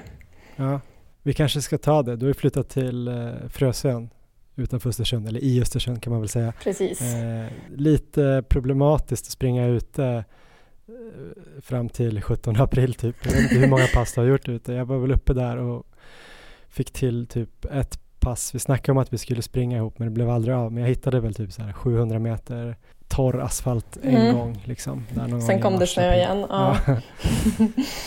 Ja. Hur har det varit att köra typ allt nästan på löpan? Ja, från början så var jag nog lite orolig faktiskt, ska jag känna hur, hur det skulle bli. Men i och med liksom den typen av träning jag ändå har gått lite mot så har det passat ganska bra att köra på löpband. Och det har också det är ganska mycket enklare att träna på löpband om man har en bebis som sover ute, som jag haft till vardags. Då. Eh, men egentligen är det väl långpassen som har varit utmanande. Eh, och det, tycker nog, det är nog många som tycker just när det blir riktigt länge på löpband och fort att det är lite klaustrofobiskt. Eh, när det inte är intervaller, att det liksom stannar aldrig utan det går bara fort, fort, fort hela tiden på något sätt. Eh, mm. Men det känns väldigt mycket som en vanesak att i slutet av, inför Manchester, var jag såklart jätteless. Eh, jag ville bara komma ut och springa men det var ändå som att det, ja, man har vant sig så huvudet kräver inte lika mycket längre. Liksom. Jag har ju ett fönster att titta ut genom, det är inte så att jag står i en bunker. Men eh, poddar är ju ett eh, perfekt, perfekt sällskap. Mm. Fick du till något maratonspecifikt pass utomhus innan Manchester? Ett. Ett? Ja. ja. Ja, härligt. Men mm. det här passet som vi pratade om då, det här 1 plus 3 då, gånger 4, var det ett långpass eller var det ett av de här veckopassen? Ett veckopass. Ah, Okej, okay. så ganska ordentligt mycket volym då med ja. typ över 20, nästan 25 med Ja, det har väl sett ut så egentligen både tisdag och torsdag att de passen har legat på ja, i stort sett 25, 24-25 båda två eh, totalt. Okay. Eh, och sen långpasset. Men vad har du då gjort på långpasset? Har det legat på söndagen? Har det varit ett lugnt som du har kunnat köra ute eller har du kört det också på löpan? Också på löpband. Eh, jag kanske har värmt upp fem kilometer ute bara för att få lite luft och vakna till och ja, inte bara liksom komma direkt ur sängen istället på löpbandet. Ja, men det Ehm, gör man ju också i Östersund i februari när det är minus 22. Ja, du exakt. Det, det funkar ganska bra. och så känner man att det är ganska skönt att gå in på löpbandet efter det. Men det är fördelen när man öppnar fönstret, det blir inte så varmt heller som, som det kan, kan vara. Nej, men det, det var... Ja, där är väl byggt upp mot att passen har blivit upp mot ja, 38 som längst totalt. Eh, men oftast en kontinuerlig fart faktiskt, där jag har antingen alternerat att lägga in backar, eh, så här, ja, inte jättebranta då, men några, några procent. Ja, men var tredje, eller var fjärde, var femte kilometer eller att jag alternerar två farter varannan kilometer bara för att få lite variation i steget för det blir så himla monotont annars när man springer på löpband så länge tycker jag. Men annars oftast har det varit liksom en ganska hög fart under lång tid. Inte de här... Äh, jag har kört några lite mer klassiska pass med fyra gånger fem kilometer men inte, inte, så, inte som jag gjorde förut utan lite mer fokus på att hålla hög fart hela tiden och få i sig sportdryck, gel under tiden, inte liksom kunna fuska och ta det i pauserna och sånt där som jag har gillat att göra innan. Men eh, ungefär hur snabbt har de passen gått i snitt om de har varit 38? Alltså i fart. Alltså det är lite svårt att översätta helt eftersom att man inte riktigt kan säga men utifrån vad vi tror att vår, mitt löpband eh, går i så är det väl många som har legat strax under fyra tempo. Eh, och ja, där, mellan 3.50 och 4. Lite olika beroende på om jag har lagt in backar eller om jag har Ja, men eh, det kan också varit, när jag, något, ett av de tuffare passen var nog, då alternerade jag 3.45 med, med fyra tempo. Okej, och gjorde 38 kilometer i det? Ja, inte 38 i det, men eh, 30, 33 eller 34 så. Det var något av de tuffare. Ja, Ja. verkligen. Mm. För då var ju din tävlingsfart i Manchester någonstans mitt emellan 3.40 och 3.45, eller? Ja, Typ, precis. Ja, du tränade väldigt gediget, jag. Ja, jo det är verkligen, det är och nog min låg bästa. veckovolymen? Vad gjorde du liksom måndag, onsdag, fredag, lördag en sån vecka? Eh, lugn jogg, alltså till vardags med barnvagn ute i snön. Eh, Dubblar alltså- eller? Ja, ganska ofta.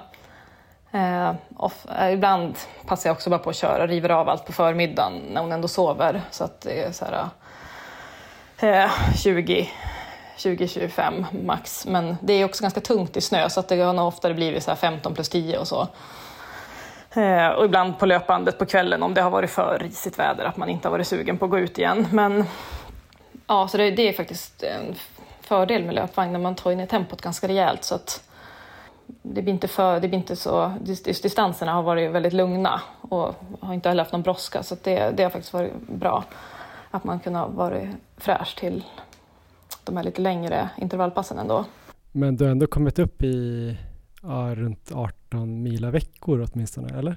Räknar Ja. jag fel? Ja, nej men det stämmer bra. Jag, alltså mellan 16 och 18 har jag nog legat i stort sett hela tiden förutom någon vecka.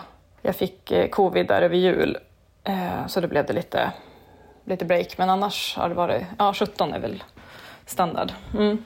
Har du någon vilodag på veckorna? Ja, måndagar har varit eh, väldigt eh, lugn jogg då. Om du ändå sprungit? Ja, Ingen hel vila? nej. Nej, varför ska man ha det? Om man ska Ibland, springa ja. 2.36. Ibland lägger jag in det men, men oftast eh, tycker jag att det har varit bättre med typ massage och lugn jogg för bra återhämtning. Men det där beror lite grann på hur det ser ut i livet också. Jag har ju som sagt gott om tid, eller har haft. Ja, spännande. Nu tänkte jag att vi skulle tänka lite sista tre veckorna mot maraton. Du får välja om du vill prata om de sista tre veckorna inför Manchester eller om du vill prata om vad du ska göra nu de sista tre veckorna inför Stockholm Marathon som du ska springa. Jag vet väl inte helt vad jag ska göra eh, fram till Stockholm. Eh, så att jag, men jag tror att det blir ganska liknande eh, som Manchester. Jag kan ju inte riktigt trappa ner lika långt innan känner jag, för jag har inte varit igång så länge. Men, men, och det blev lite lång tapering faktiskt inför Manchester. Det kände jag att det, alltså man nästan blir seg igen på något sätt. Det blev, blev lite för länge. För jag, var inte, så- jag, jag har ju som en historia av att alltid var så nedtränad när jag började trappa ner. Men den här gången var jag inte det. Så att, eh, det blev lite länge så att vi kortade nog ner det lite grann den här gången. Men När började du eh, liksom dra ner på volymen då? Och två veckor innan började jag. Det skulle nog ha räckt med tio dagar, tänker jag, som det kändes. Men det är ju alltid svårt att veta helt och hållet. Men eh, eftersom att jag inte, jag har inte liksom kört det klassiska att man har kört jättehårt långpass två veckor innan utan det har snarare legat tre, fyra veckor innan och sen det två veckor innan har varit ja, hårt men inte, inte bland de hårdaste. Så, eh, ett- Men vad körde du inför Manchester då? Om man säger, när körde du det sista långa som var kanske det här typ 38 då? Var det fyra veckor innan? Eller? Ja, precis. Och vad Mm. körde du då två veckor innan? Eh, då blev det ett kontinuerligt långpass på typ 35-36 i... Ja, jag, jag tror att jag alternerade två farter där också, men inte... Eftersom det blev lite kortare och inte riktigt lika hårt så inte riktigt lika snabbt på den som snabbare delen. Eh, Så att eh, det är väl som det där jag laborerar med egentligen, den typen av långpass. Så Men körde du också någonting ganska hårt, alltså den helgen mittemellan? Om, alltså tre veckor ifrån? Eller kan du göra så här att om du kör ett hårt sådär äh, 38 kilometers fyra veckor innan som är ditt så här kanske stora sista pass och sen ett ganska hårt ändå får man ju säga två veckor innan. Kör du även ett hårt då, tre veckor innan eller är det ett lugnare långpass då? Det var nog ganska hårt också, men inte, alltså, de, de passen har inte varit så liksom... Alltså, de har absolut varit hårda, men inte på det sättet som att man går och springer ett halvmaraton i tävlingsfart eller någonting som jag kunnat gjort förut. Då, eh, då har man ju mer varit sliten på det sättet att man säkert hade behövt ta fem dagar lugnt. Men det har inte varit, jag har inte kört såna, så hårda pass. Eh, så det har varit mycket mer kontroll i träningen egentligen. Det är väl den stora skillnaden, tycker jag, mot hur jag tränade innan. Att, Men har du- eh, Förlåt, nu avbröt jag dig, men har du Nej. kunnat köra då tisdag igen? Efter ett söndagspass? Nej, eh, det, några gånger har jag väntat till onsdagen. Mm. Men om man blickar fram då, vad är mer viktigt då? För de som håller på att förbereda sig nu sista tre veckorna och kopplat till vad du gör. Man kan ju inte kopiera ditt schema här ju, men man kanske kan få någon eh, influens. Ja, alltså, såklart är det ju allt det här klassiska som jag tänker att alla tänker på, att försöka få, få hinna sova ordentligt och äta ordentligt och hålla sig frisk. Eh, men eh, det är väl att inte Ja, men att ändå kunna se tillbaka på det man har gjort och inte lägga in något extra hårt bara för att visa för sig själv vilken form man är i. Eh, för det känns som att de där passen när man liksom pressar ur lite mer än vad man vill bara för att visa att man är i en viss form sliter ju ofta väldigt mycket Om man liksom ja, man kanske inte tror då att man behöver så många vilodagar och vilket gör att man kanske bara kommer i sämre form det sista man gör. Eh, är väl ett fel som jag kan se tillbaka på att jag själv har gjort som jag hoppas inte göra om. Eh, så det, det är mitt tips. Försöka se vart man faktiskt står och inte vart man helst av allt vill vara. Men eh, hur har det varit att komma tillbaks efter Manchester och nu blicka mot en ny mara? Det var en av de liksom behagligare marorna jag har gjort så att det, det var inte den här känslan eh, att man aldrig mer vill springa maraton. Eh, så att på det sättet har det väl ändå gått rätt bra. Sen åkte jag ju ner helgen efter och sprang premiärhalvan eh, på ganska trötta ben så att det, det var väl inte det bästa ur eh, återhämtningssynpunkt. Men jag tog en jättelugn vecka efter det. Riktigt, riktigt lugn. Eh, så att eh, jag tror ändå att jag efter det har varit rätt eh, fräsch i benen. Eh, sen är det ju såklart att man är ju inte i den toppformen man var inför ett maraton då när man startar och det är väl där tycker jag att jag har jättemycket nytta av min laktatmätare. Att kunna styra. Att återigen inte liksom kliva på de passen man gjorde och tycka att ja, men bara pressa sig igenom. Eh, utan att faktiskt se att här, här är jag just nu liksom, och ha lite is i magen. Eh, för att tänka att eh, någonstans finns ju grundkapaciteten så att det gäller bara att hitta tillbaka till formen. Och vad har du för liksom, tankar om Stockholm Marathon och ambitioner?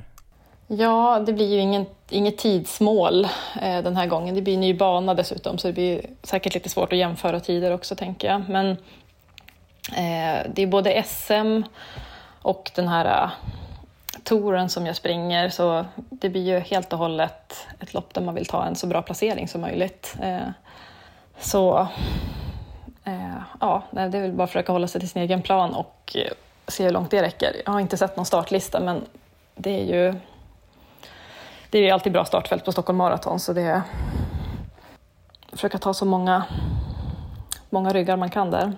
Vad är det bästa du har kommit på SM i maraton? Ja du, jag har inte, jag sprang ju senast 2019 och det var absolut ingen fullträff. Eh, för där hade jag jättesvårt att komma tillbaka efter Sevilla. Jag var jätte, ja, hade lite små skavanker och sånt så det, blev, det var inget bra lopp. Men vad kan jag ha varit? Tia? Ja. Jag vet inte faktiskt. Då får du slå det då i alla fall. Mm, mm, ska jag försöka göra. ja, men tusen tack Malin att du var med. Får se om det blir fem år till innan du är med igen, om du springer då och om vi gör podden då. vi får se. Tusen tack och lycka till. Tack själv.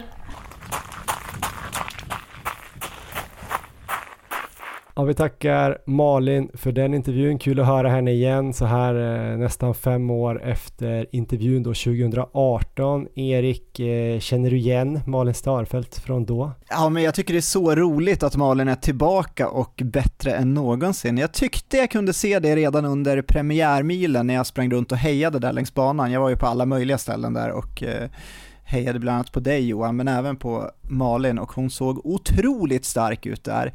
Och sen visade hon ju nu verkligen i Manchester med nytt pers hur bra hon är nu. Och när man hör intervjun här och hör träningen hon har gjort så känns det helt logiskt.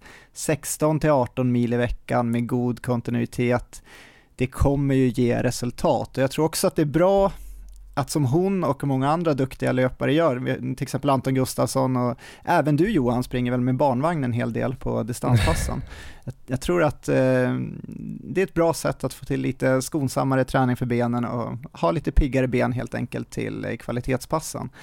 Så jätteroligt, det blir spännande att följa nu Stockholm Marathon till att börja med och eh, jag tror nog hoppas att det kan bli fler internationella mästerskap också för Malin framöver här på maraton. Ja, vi får väl se. Det ska bli spännande. Nu blickar jag långt fram här, men det, ska bli spännande om hon springer då Valencia kanske i december.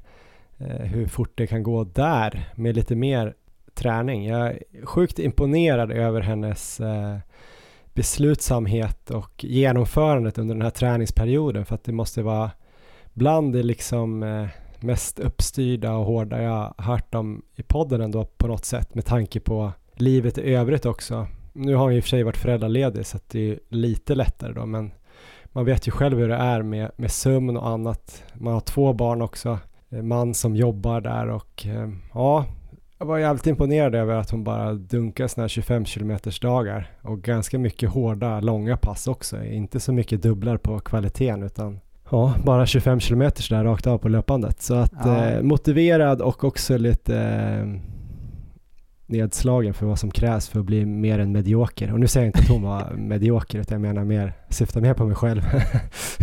Men eh, jag är taggad. Man kan mycket om man bara bestämmer sig. Eh, det är inte helt lätt, och nu springer hon i och för sig mycket på löpband, vilket ju är, det är spännande att höra att man kan göra så mycket kvalitet och ändå att det sen håller på, på så tuff distans som maraton.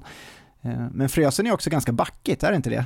Så att det måste ju bli en del höjdmeter här tänker jag på distansmatchen. Det kanske finns platta delar där också, men jag minns det som att det är ganska kuperat.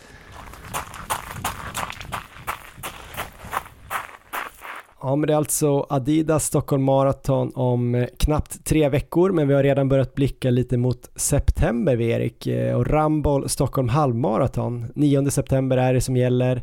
Eh, det är alltid något lite längre fram man kan planera för när det, när det är tungt, Erik.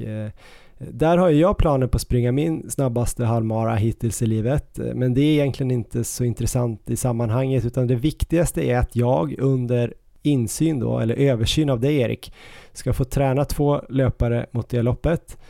Ni lyssnare har ju haft möjligheten att söka de här två platserna och vår mailkorg blev ju glädjande nog då överfull eh, ganska snabbt. Över 100 ansökningar har vi fått och läst igenom.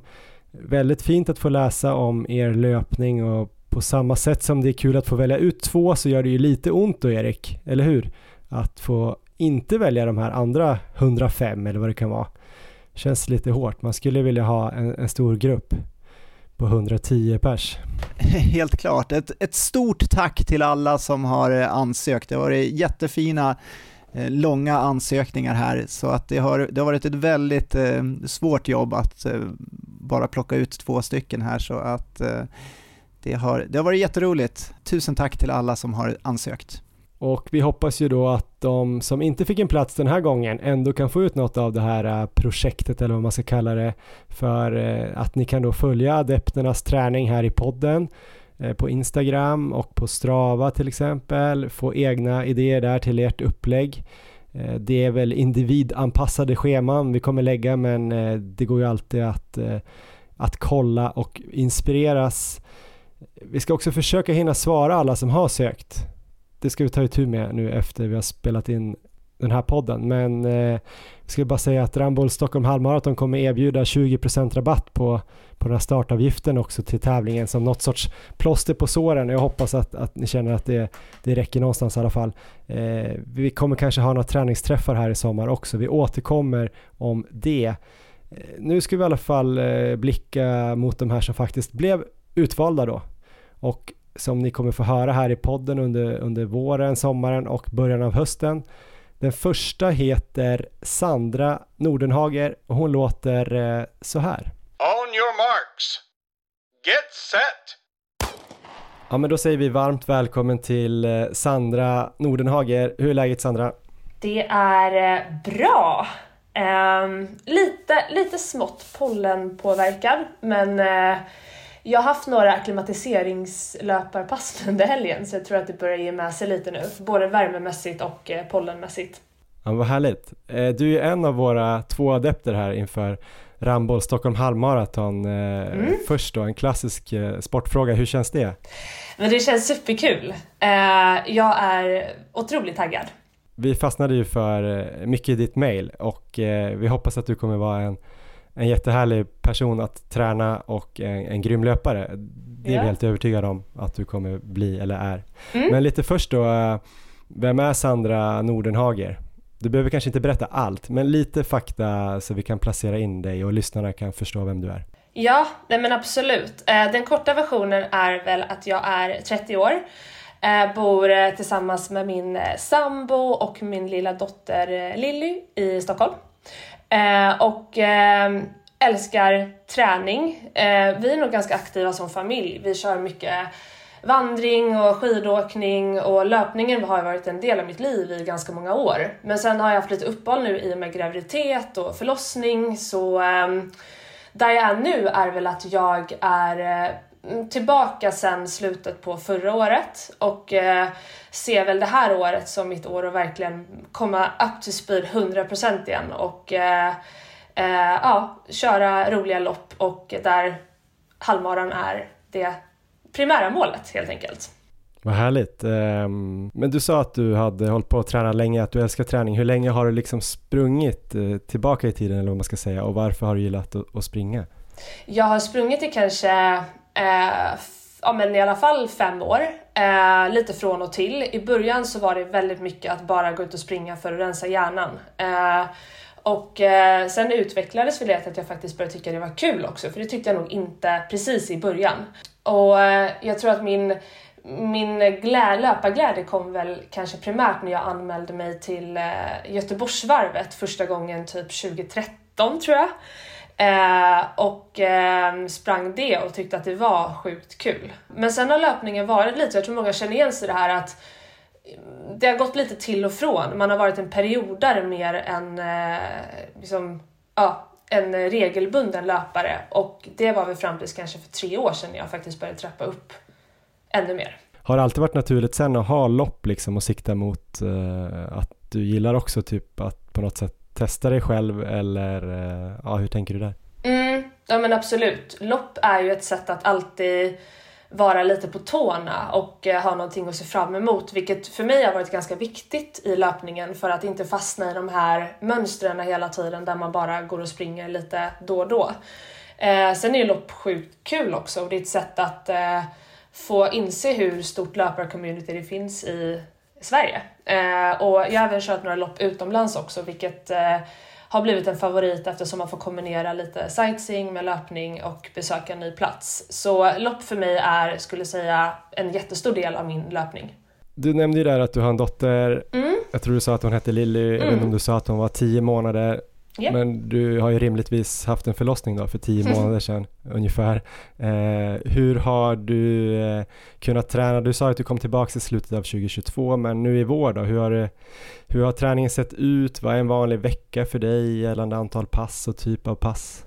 Ja, men från dess att jag ändå kunde vara tillbaka på banan och springa eh, lite längre distanser igen så brukar väl en vanlig vecka se ut på så sätt att jag har fyra, fem löppass Um, jag brukar köra uh, i alla fall ett intervallpass um, i lite olika former. Jag har några favoriter men försöker att bredda mig lite där uh, och det är också därför jag uh, vill bli tränad av dig.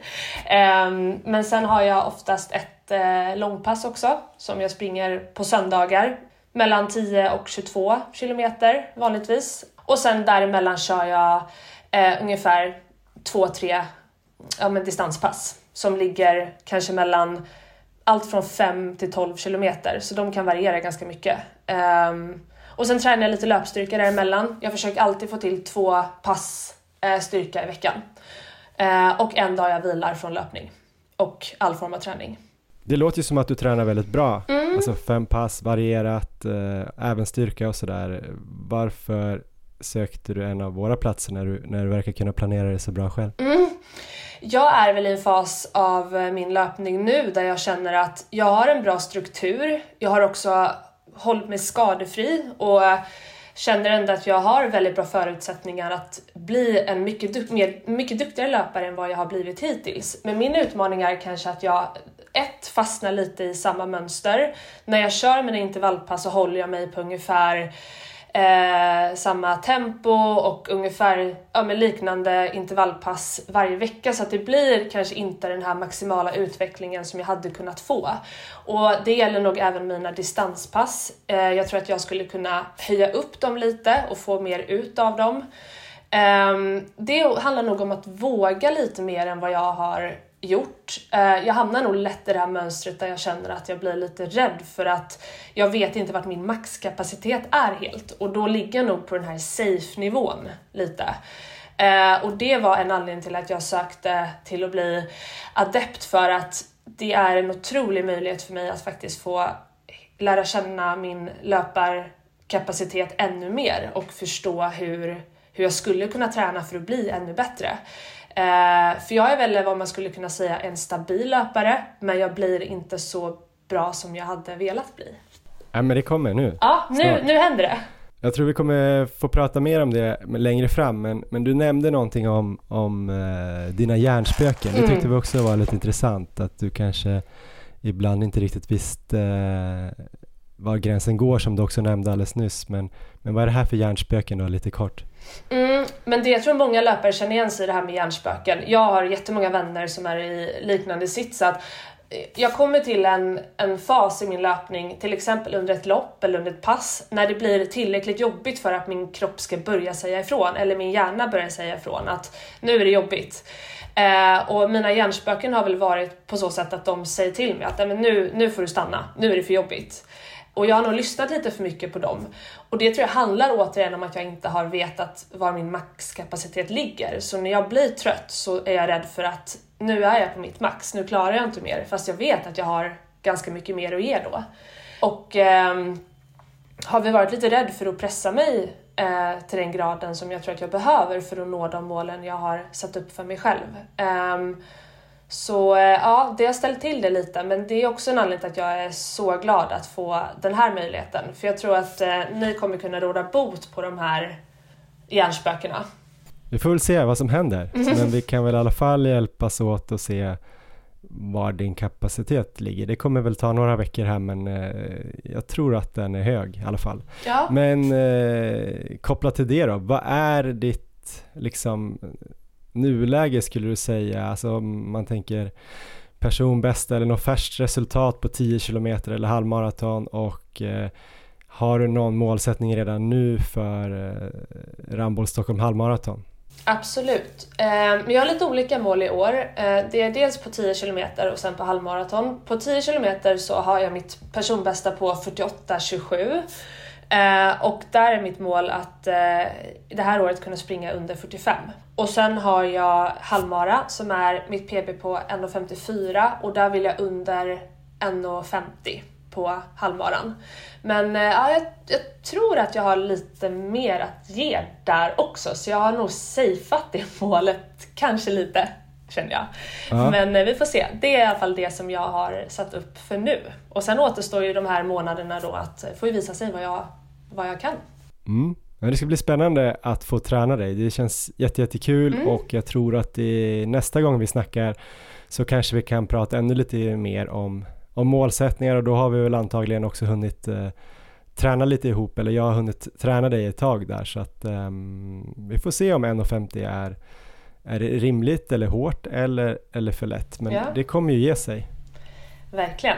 Tusen tack i alla fall för att du ansökte och eh, för att du vill, eh, vill vara med i podden här under sommaren och början av hösten. Ja, och tack för att jag får chansen.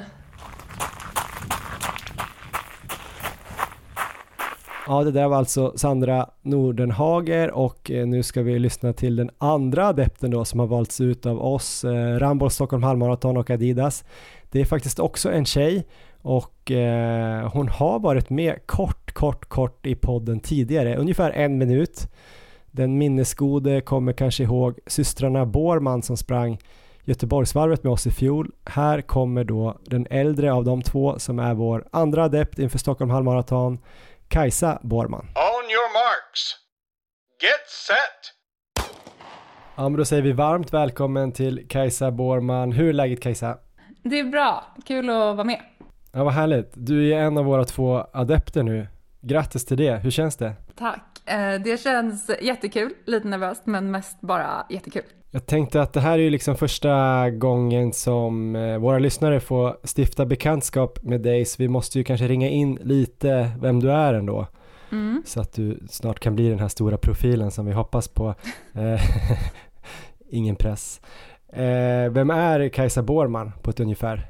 Oj, um, ja men jag, um, jag gillar ju löpning såklart, eh, annars skulle jag väl kanske inte vara med här. Men jag är 29 år gammal, eh, bor i Stockholm med min sambo. Jobbar 8 till 5 och eh, utöver det så gillar jag väldigt mycket att vara ute i naturen och eh, träna. Det gör jag så mycket jag bara kan. Ja men du tränar lite allt möjligt va och eh, mm. hänger uppe på fjäll och åker skidor och allt möjligt. Men om man tänker sig löpningen då? Hur mm. länge har du liksom hållit på att springa? Eh, hur ofta tävlar du och varför gillar du så mycket att springa? Om mm. du gör det. Jag gillar att springa. Eh, jag har väl sprungit i typ 15 år. Eh, när jag, jag var hästtjej när jag var liten. När jag slutade med det så började jag träna på gym och springa. Och tyckte att löpning var en jättehärlig träningsform. Men jag har väl sprungit mest bara utan någon plan och anmält mig till lopp för att jag tycker att det är kul att testa vad jag, eh, ja, hur snabbt jag kan springa. Och då har jag också sprungit millopp. Och jag har väl sprungit så här tre, fyra gånger i veckan kanske i 15 år och eh, sprungit ja, men lite utan plan och lite halvsnabbt och sådär. Och sen för några år sedan så eh, började jag satsa lite mer på löpningen och springa mer. Men jag visste liksom egentligen inte hur jag skulle satsa och då hamnade jag i ett eh, skadeträsk kan man väl säga och var skadad några år. Och nu är jag tillbaks. Och nu då, när du har en av de här platserna där mm. du kanske kommer få då träna lite mer strukturerat, en period mm. i alla fall.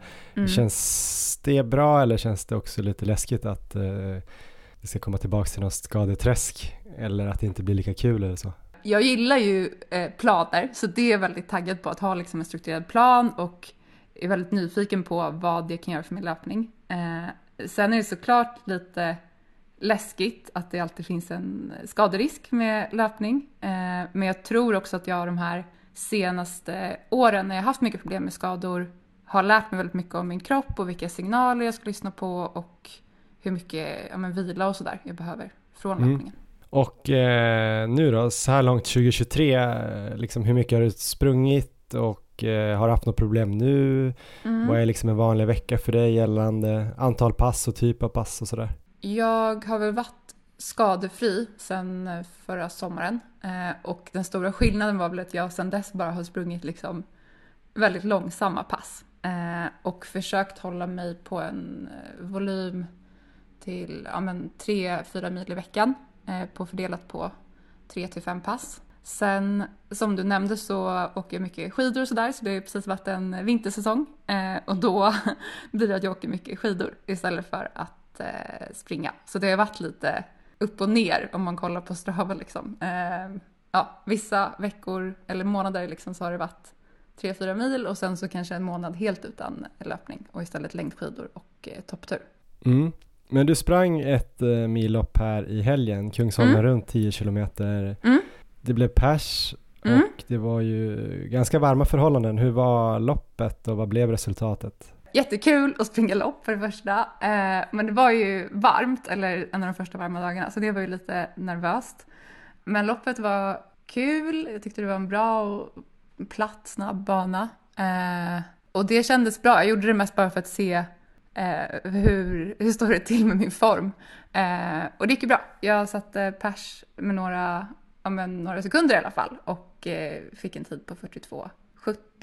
Jättebra ju. Och kul att ha ett eh, nuläge nu när vi Ja. ska starta. Se om vi, vi, vi blir bättre eller, eller sämre. Men, men bättre tror jag på.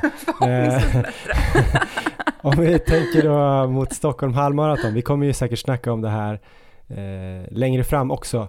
När vi Ja. ser lite grann hur det börjar här med träningen och så. Men, men har du någon känsla just nu för vad en rimlig målsättning för en halvmaraton 9 september skulle vara? Um, ja, men jag skulle gärna vilja komma under en 30 eh, i alla fall. Och sen får vi väl se, tänker jag, efter ett tag. Jag vet inte alls eh, vad, min, vad jag klarar av. Jag har verkligen inte kört så mycket ja, men strukturerat och väldigt få intervallpass tidigare. och Så, där. så att jag tänker att den målsättningen kanske får växa fram lite. Så ungefär ta farten du hade på 10 kilometer nu och springa dubbelt så långt. Mm. Då är vi där. Mm. Enkelt. Easy, kanske. Vad tror du kommer bli utmaningen att träna dig då? Kanske snarare att bromsa mig då. Alltså med tanke på att jag har haft lite skador och sådär. Ehm, jag tror ju som sagt, peppar peppar, att jag känner min kropp nu och vet eh, vilka signaler jag ska lyssna på och sådär. Ehm, men jag tror framförallt det, att bromsa. Och vad har du liksom för styrkor då som kommer bli kul att lära känna? Att jag tycker det är kul att pressa mig själv, tror jag är en styrka. Eh, och att jag är bra på att liksom följa planer och sådär. Eh, Härligt! typ så. Det ska bli superkul att eh, få träna dig, lära känna dig lite mer och följa din resa här då i podden och på din Strava och på Instagram och sådär. Ja, Otroligt peppad. jag med. Ja, men det där var alltså våra två adepter, Erik. Eh, jag är eh, väldigt eh, förväntansfull och inspirerad. Vad tänker du kring de här två personerna? Det ska bli jätteroligt att få följa både Sandra och Kajsa här nu hela vägen fram till Stockholm halvmaraton. Jag tror att jag tror det kommer bli spännande både för lyssnarna här att få följa den här resan och ja, men det kommer bli, kommer bli kul. Det är ju två tjejer som verkar både träningsvilliga och positiva. Jag tror att de bara har skrapat lite på ytan för hur bra, för hur bra de kan bli om de, om de själva bara vill det. Eh, det känns som att de tycker det är kul och inte heller då oviktigt att de vill dela med sig av sin träningsresa här i, i podden och på Instagram och på Strava. Eh, Det har ju varit viktigt såklart så att det blir något content Erik. Kul också med eh, lite olika målsättningar här så att man kanske kan följa den som är närmast sin egen nivå. Även om jag tror att båda kommer bli ganska mycket bättre men vi har då eh, initiala målsättningar här på 1.30 och 1.50. Vad tror du om det? Ja, jag tror det finns goda möjligheter. Sen så, det blir väl lite till oss här att både peppa och bromsa kanske. Så att vi får till den här kontinuiteten som kommer bli nyckeln här hela vägen fram till loppet och eh, Eh, lyckas det så tror jag att det kan gå hur bra som helst. Ja men precis och eh, känslan är ju att båda tränar väldigt bra när de väl tränar men att det kanske är lite den här kontinuiteten och styra upp lite då innehållet i träningen och kunna hålla i det här vecka för vecka utan att liksom stegra för hårt. Att, att det är där någonstans uppgiften ligger då för mig och eh, för dig då att kolla mig så att jag, jag gör rätt helt enkelt. Men det kommer bli väldigt, väldigt kul och ni kommer få höra de här tjejerna då i podden framöver och eh, de kommer även dyka upp på vår Instagram såklart. Och ni kan ju följa dem direkt nu. Kajsa Borman, Sandra Nordenhager finns både på Instagram, öppna konton och eh, på Strava. Ja, men om vi ska blicka lite framåt här i slutet då, Erik. Eh, vad händer härnäst för dig? Finns det något mer Ultra-SM-lopp innan Ecotrail som du kan slänga in här i, emellan? Eller blir det SM på maraton kanske? Ja, inget jag känner till. Nu, nu är jag lite sugen på Stockholm Marathon också.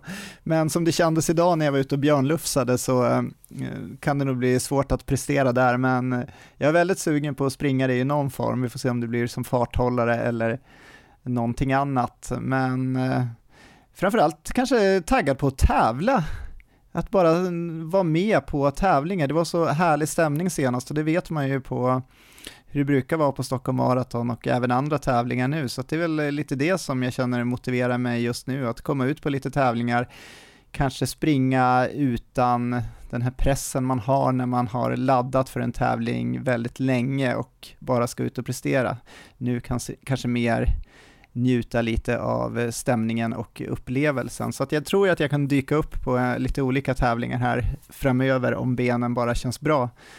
Sen är ju eh, mitt, mitt, stora mål för året är ju nu VM i 24 timmars löpning i Taiwan i december och det kommer vara en första uttagning den 2 juli. Så det beror lite på vad som händer där. Kommer jag med i den uttagningen så då vet jag det och då vet jag att det stora målet är där och då får jag börja fundera på säsongen framåt det. Men skulle jag inte vara med i den första uttagningen så kommer jag springa 24 timmars i augusti och göra ett sista försök att eh, kvala in till VM. Det kommer ordnas en tävling i Göteborg då, som Helle IF ser ut att ordna där. Eh, de har några löpare som vill försöka göra ett sista försök att kvala in där också, så att eh, det loppet eh, är ju min backup då som ett eh, sista försök att kvala in, men jag har väl ändå förhoppningar om att kanske komma med där i uttagningen i juli.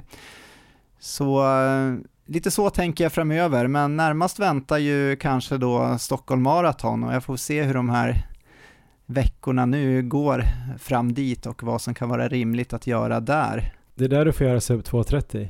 Ja, det är ju helt orimligt. Så att, det, det kommer jag verkligen inte försöka, men, eh, men det vore kul att stå på start och det vore definitivt roligt att eh, springa i någon form. får vi se. Du ska ju också, du ska också springa Stockholm, va Johan? Ja, men det som är bestämt nu är att jag ska springa Adidas Stockholm Marathon då den 3 juni. Eh, jag har ju länge pratat om att mitt mål ska vara att bli topp 100 på den tävlingen.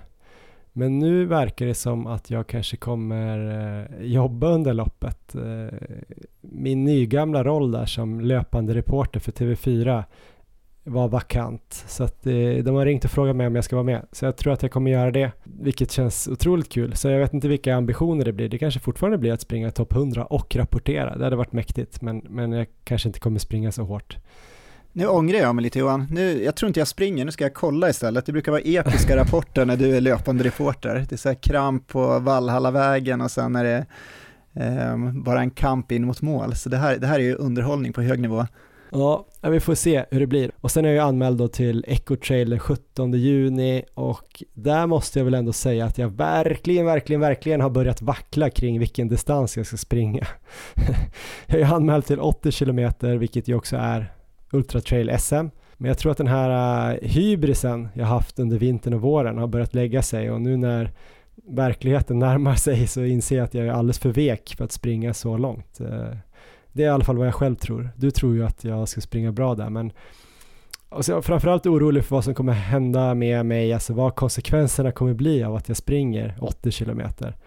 Jag är lite rädd att jag kommer vara bränd resten av året. Så nu har jag börjat snegla mot 33 kilometer Erik, som är den vanliga då trail SM-distansen. Vad tänker du där?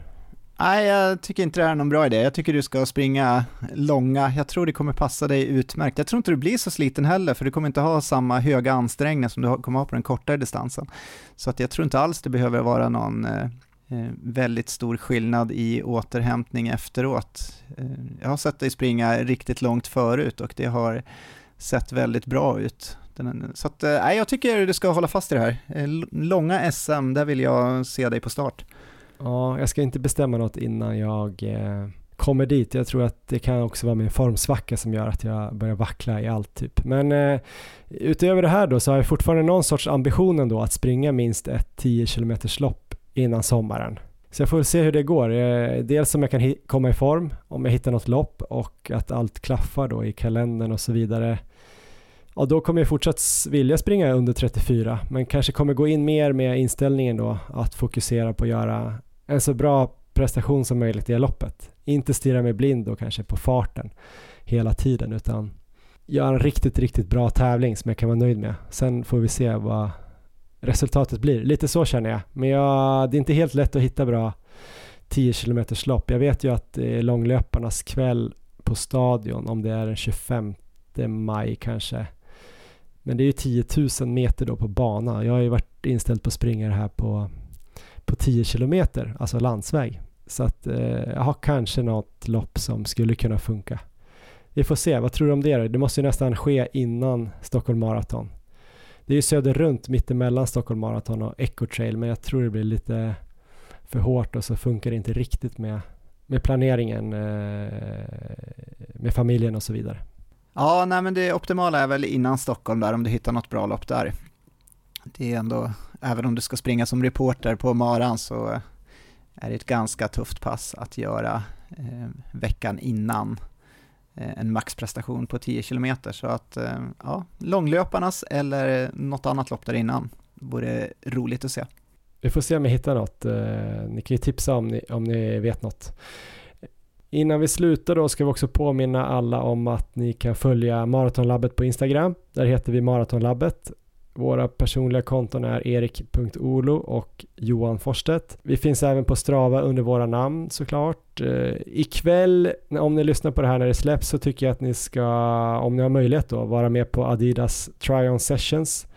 Där dagens ledare är ingen mindre än Anders Salkai. Gratis träning med en levande löplegend. Tingshusslätten i Hagaparken, alldeles i början av Hagaparken nära Norrtull. Eh, mellan 18 och 19 är det som gäller. Det är helt gratis. Eh, dyk gärna upp lite tidigare för att eh, snöra på er några schyssta Adidas-skor. Man får ju prova skor där under passet. Man kan byta under passet också, men det kan vara nice att vara där lite innan och, och testa. Eh, nästa vecka, 23 maj Erik, då är det du och jag som håller i passet igen. Vi var ju på stadion här för några veckor sedan. Det var ju superkul. Eh, men nu är du alltså då i Hagaparken, Tingshusslätten, samma plats och tid 18 till 19. Mindre legendstatus kanske, i alla fall på mig. Men det kommer bli väldigt, väldigt trevligt. Eh, vi var ju drygt 80 på stadion sist va? Vi hoppas kunna bräcka det den här gången. Så, så hjälp oss gärna med det då nästa tisdag den 23 maj klockan 18. Kom gärna 17.30 och snacka lite och testa skor så ska vi försöka vara där då. Vad blir det för pass Erik? Ja, det blir väl eh, lite marafart och lite 10K-fart kanske. Vi får, vi får se hur vi lägger upp det.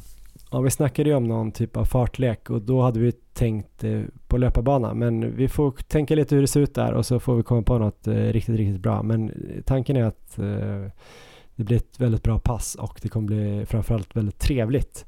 Det var allt för den här gången va Erik? Det var det. Tack för idag Johan och eh, lycka till med träningen inför 10 kilometer nu.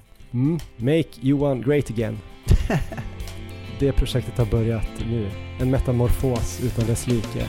Från kass och opeppad till eh, en tiger.